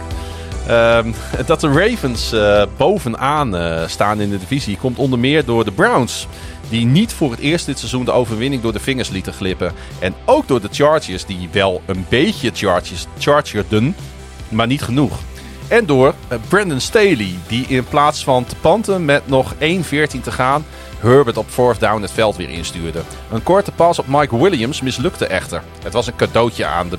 Het was een cadeautje dat niet aan de Browns was besteed. Of beter gezegd, niet aan rookie-kicker Kate York was besteed. Hij miste van 54 yards, waar hij eerder in de wedstrijd al miste van 45 yards. Het lag dus heel dicht bij elkaar deze wedstrijd. Ook weer zo'n heerlijke game om te volgen via Red Zone. Het was wat dat betreft weer smullen geblazen afgelopen zondag. De Chargers die renden voor in totaal 238 rushing yards. Trouwens, de, de Chargers renden voor 238 yards. Ja, ik, eh, ik had niet gedacht dat ik ooit deze heb- zin nog zou ik uitspreken. heb ook nog wel even gedacht aan eh, Austin Eckler voor, eh, voor, voor het beatoppertje. Maar Ja, want van die 238 rende hij er maar liefst 173 en hij scoorde. Hij was on Ja. fire, hè? Het ja, is wel ik een heb, hele leuke speler om naar te kijken. ik, ik heb er wel een zwak voor hem. Ik heb Ja, hem ik ook. ooit als... ik- God, ik weet niet eens meer wie toen de startende running back was bij de Chargers. Maar toen, die, heb, die had ik toen gedraft volgens mij. En toen heb ik eh, Austin Eckler heb ik als, eh, als handcuff ergens heel laat gedraft. En volgens mij was het al vrij snel in het seizoen dat Eckler in één keer eh, heel veel punten ging, ging halen. Dus daar was ik wel heel blij mee. En sindsdien heb ik een zwak voor Eckler. Omdat ja, dat was zo'n speler waar was toen denk ik een rookie of zo. Waar niemand echt Ja. veel van verwachtte. En ja, nou, die pak je dan ergens in je, je 16e ronde of zo, weet ik veel. draf je die nog een keer. Hij is toch wel zo'n. eh, hij is toch wel een van de. Als hij fit is. Een van de steunpilaren van dit team geworden. Ja, ja, En, ja, eh, zeker weten. maar aan de andere kant staat er ook iemand om, eh, om warm van te worden. Dat is namelijk Nick Chubb. Die voor 134 yards rende. En natuurlijk scoorde met die 2-yard touchdown run. Bij elkaar opgeteld verzamelden deze twee teams 908 total yards. 53 first downs. Er waren er slechts drie punts te bewonderen. Er, zijn, er was, er was eh, wie waren dat? Washington had eh, dit weekend één first down. Nee, is niet waar. Die hadden één third down conversion voor een first down. In deze wedstrijd waren opgeteld 53 first downs. Dat is echt, dat is echt veel. Dat is echt bizar, hè? Ik bedoel, eh, Tom Brady die had meer dan 50 passing attempts. in Ja, zijn dat zag ik ook inderdaad. Dat was ook wel zo'n bizar. Wat wel bizar is, want hij wint gewoon heel veel. Ja. Als hij zoveel passing attempts heeft. Terwijl andere quarterbacks over het algemeen verliezen als ze zoveel passing attempts hebben. Omdat dat betekent dat ze eh, al vrij vlot, vrij dik achter stonden. Dat ze worden gedwongen te passen. Maar Brady, die, eh, ach, Brady die maakt alle statistieken kapot. Andere ster in deze wedstrijd was Mike Williams, die 10 catches voor 134 yards noteerde. En het was alweer zijn vijfde uitwedstrijd op rij, waarin hij de 100-yard marker behaalde. En daarmee kwam hij in de AFC op gelijke hoogte met Chad Johnson. Voormalig Ocho Cinco. Ocho Cinco inderdaad voor een NFL-record. En de NFL-mark is 6, gedeeld door drie Hall of Famers. Jerry Rice, die deed het twee keer. Calvin Johnson en Michael Irvin, dat zijn toch niet de minste namen, hè? Nee. Uh, dus dat geeft ook wel aan hoe goed Mike Williams is. Een mooie, uh, mooi narratief dit. Eh, er was één defensive play die mij het uh, meest is bijgebleven in deze wedstrijd. Dat was namelijk de interceptie van Chargers safety Alohi Gilman. Die een pass van Jacoby Brissett in de endzone onderschepte met nog 2,44 te gaan. Wat dus ook de inleiding was tot dat veelbesproken einde. Want de Browns zijn het dit seizoen wel echt wedstrijd op wedstrijd aan het weggeven. Ja, Ze spelen echt niet slecht. Nee, het, lijkt altijd een heel eind, eh, tot een heel eind in de wedstrijd of ze gewoon gaan winnen of kunnen winnen en ook gaan winnen. Ja, En dan ze- maar dit was ook die, die bal, ik vond het echt waardeloos. ja van Brissett bedoel Ja. je. Ja, het was een hele slechte paas Eh, inderdaad. heel lang wachten die volgens mij. Als ik, als ik dit is goede momenten zo ik voor ogen heb, daar wachten echt heel lang met, eh, met Pasen. En dan denk je van, nou, je hebt zoveel tijd genomen, nu, nu, nu staat er wel iemand voor je vrij. Dan gooit Mm. Gewoon, echt zo in de handen van de verkeerde kleur. Ja, echt een bizarre interceptie inderdaad. En eh, ja, uiteindelijk eh, eh, hebben zij het dus weer niet gered door, en dat lijkt een beetje op natuurlijk die andere situatie bij de, bij de Cardinals, een gemiste field goal. Waardoor ze in, niet in dit geval natuurlijk gelijk zouden komen, maar gewoon de wedstrijd zouden winnen. Ja, Want de Ravens staan natuurlijk met 3-2 ook niet zo heel goed voor nog in de AFC North. De Browns, die hadden natuurlijk, maar die hebben natuurlijk ja, een beetje soft schedule gehad, moet ik wel bijzetten, bijzeggen. Er zijn Die Browns Die fans. kunnen gewoon lul, lul, lul, lol nu nog op. Eh, want die, volgens mij is het nu wel een beetje gedaan met hun... Zeg je eh, dat nou expres omdat we het over de Browns hebben? Of, eh? Nee, maar, voor, Oké. maar volgens mij hebben de Browns, eh, is, een, is, is van hun soft Ja, schedule, dat- dat, is nu wel een beetje dat is nu wel een eh. beetje over inderdaad. Maar eh, eh, er zijn, eh, ik, had, ik kreeg een berichtje van een Browns fan op Instagram binnen. En die zei van ja, eigenlijk hadden we gewoon 5-0 moeten staan. Als je heel eerlijk kijkt naar de wedstrijden. We hadden ze gewoon eh, allemaal kunnen winnen. Ja, maar eh, de Bears hadden ook 4-1 moeten staan. En ik denk dat jij dan voor de Ravens oh, Nou ja. ook wel een paar dingen kan verzinnen van die, eh, van die, paar kom- van dingen. de- van die, eh, van die Precies. enorme voorsprongen die je weggeeft. Want dan hadden wij ook inderdaad 5-0 gestaan als wij niet die twee keer die voorsprong hadden weggegeven. Nee, Dat nee is ook dus zo. precies. Dat, Hey, er was iets raars aan de gang. Met name tijdens de pregame hadden de spelers en het publiek veel last van de zogenaamde midges. Dat zijn vliegen die tijdens de zomer en het najaar in grote getalen voorkomen rond Lake Erie. ja. De insecten leven in grote groepen en leven dan voor maar drie à vier dagen. Het was niet de eerste keer dat ze een sportwedstrijd beïnvloeden, want in 2007 vielen ze New York Yankees reliever Joba Chamberlain in grote getalen lastig op de heuvel in Cleveland. En eh, ik heb dit niet, maar ik- jij weet natuurlijk wel weer wat. Jij, dit weet jij. Dit heb jij ook ongetwijfeld wel weer eens in een Wikipedia-nacht gelezen. Ja, ik, ik, ik moet eerlijk zeggen, ik weet niet zo heel veel van de midges. Ik weet wel daarvan, ze hebben daar ook van die, eh, eh, eh, van die andere, van die vlinderachtige dingen die dat ook doen. Die hebben, die hebben allemaal, allemaal eh, leven ook maar een paar dagen, maar die komen maar één keer in de zoveel jaar. Maar dan zit je daar dus je hotdog te eten en die hele lucht daar in dat, in dat, in dat stadion daar van, van, van de Browns is gevuld met insecten. Ja, En je had, ze- het waren gewoon spelers die, die, die stonden voor de wedstrijd, stonden ze gewoon ze uit te kotsen. Zo erg was het. die, hadden, ja die, die, die zitten dan wat rondjes te rennen, in- één keer diep inademen en je hebt je proteïne voor de rest van de dag binnen. Inderdaad, dat, dat ook nog eens. Nou ja, gadverdarrie, het was, eh, was heel smel. Maar ja, goed, dat heb je nou eenmaal af en toe als je in de buitenlucht speelt natuurlijk. Ja, en zeker, eh, ja, zeker daar. Ik, eh, Ja. ja, volgens mij hebben ze toch ook in. Ja, ja, volgens mij de, toen, toen dat Hard Rock Stadium van Miami net geopend was, hadden ze in het begin ook niet nog wel eens last van, eh, van insecten, van, de, van die moerassen. Dat is nu volgens mij nu wat minder, nu er wat meer bebouwd is of zo. Maar er staat me ook wel iets van bij. Dat eh, daar kan het ook zo. eh, kun je ook zo last hebben van insecten Ja. af en toe. Ja, goed, eh, dat, dat kan, dat, overal waar water is heb je natuurlijk insecten. Dat is natuurlijk sowieso al een gegeven. Maar het was dit keer wel heel erg.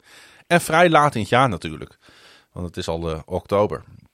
Het kan daar volgens mij ook al vrij snel koud worden. Het weer slaat daar vrij snel om volgens mij in die regio. En het kan volgende week maar zo herfst en, eh, en drie graden zijn hè, daar in Cleveland. Ja, dat is een beetje hetzelfde als bij eh, Detroit en Chicago natuurlijk. Op het moment dat die wind eh, dat ze van, van ja, over land komt. Dan krijg je die temperature drops krijg je dan. Ja, ze, ja, ze, nee, ze hebben natuurlijk ook allemaal echt een landklimaat, omdat ze ver uit de kust liggen. Ja, Dat maar ze- die, die, die meren hebben wel heel veel invloed natuurlijk op het weer. Ja, eh, maar dat zorgt er dan weer voor dat als de wind uit noorden komt, dat, dat krijg je ook meteen de hele sneeuw en, en dat soort ellende Ja. erbij, of de, of de mist. eh.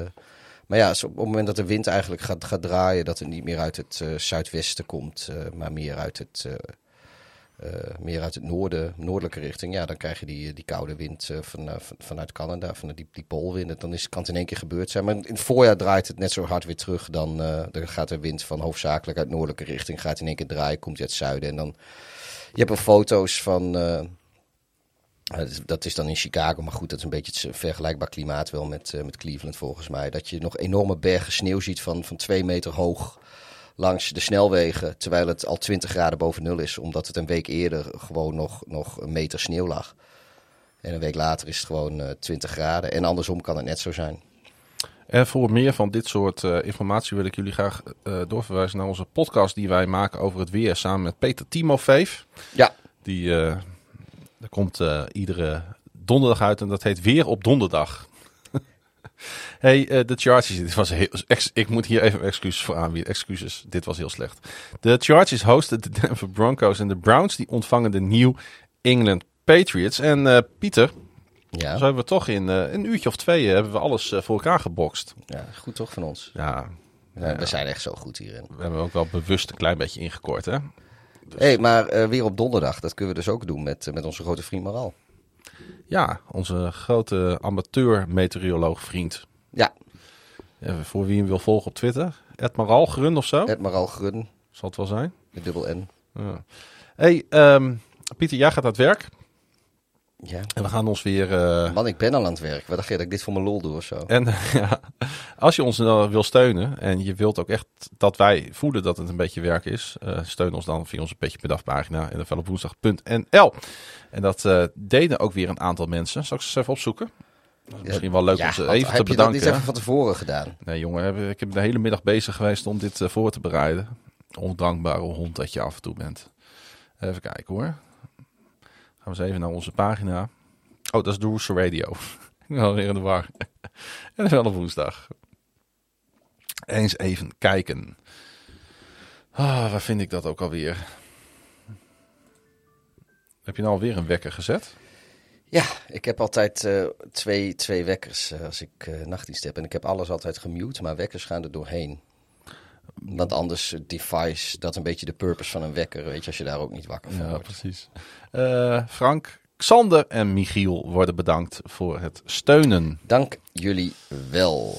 Ehm, jij gaat je dus, eh, naast dat je gaat werken, voorbereiden op Thursday Night Football. Moeten we vrijdag nog even kijken of we tijd vinden eventueel om daar Ja. wat over te zeggen. Ik weet niet of dat met jou is of met Frank. Dat moeten we nog even zien. Ik zien. heb, eh, ik heb natuurlijk een paar, eh, paar dingetjes af te handelen de tweede helft van deze week. Dus we zien wel hoe dat loopt. Ik ben blij dat je je huis uit bent gekomen en nabij toe bent gekomen, Pieter. Ik ook. Je twijfelde even. Ja, En terecht, dat snap ik als je je grieperig voelt. ik heb heel veel... eh, Maar als jij vannacht aan het werk kunt, dan kun je ook een podcast opnemen. Ja, dat vind ik ook. Ik- alleen op mijn, ook, op mijn werk hoef ik, eh, hoef ik meestal niet zoveel te praten. Dan zit ik gewoon stil in een hoekje, een beetje medelijden te hebben met mezelf. Heb je zo werk? hey, eh, je kunt ons natuurlijk volgen op socials. Pieter via Tarf, laagstreepje Hideous. En mij via Klaasie Grun, dubbel A, dubbel S, dubbel N. En je kunt eh, ons volgen op Twitter, Facebook en Instagram via NFL op woensdag. Steun ons via nflopwoensdag.nl. En dan gaan wij ons best doen om er eh, volgende week eh, weer te zijn. Ik heb wel gezien dat ik volgende week een, een- heel druk schema heb. Ja, dat dacht ik al wel. Ik volgens mij ook, weet ik niet. Moet kijken. Dat zien we volgende week wel. We zien volgende week wel even hoe, eh, hoe dat eruit eh, rolt inderdaad. eh. Doet me, doet me denken aan... Frankie die wou misschien wel meedoen. Even op afstand zei hij. Oké. Ja, wat als je dat vroeger toch van die reclame van... eh, je hebt een druk leven. Je bent de hele dag in touw. Ik weet niet, was voor maagzweertabletten of zo. Nou, doe maar zo'n doosje. hey, eh, ik wil iedereen bedanken voor het luisteren. Jij bedankt Pieter. En eh, tot volgende week. Mooi. Beste maar weer.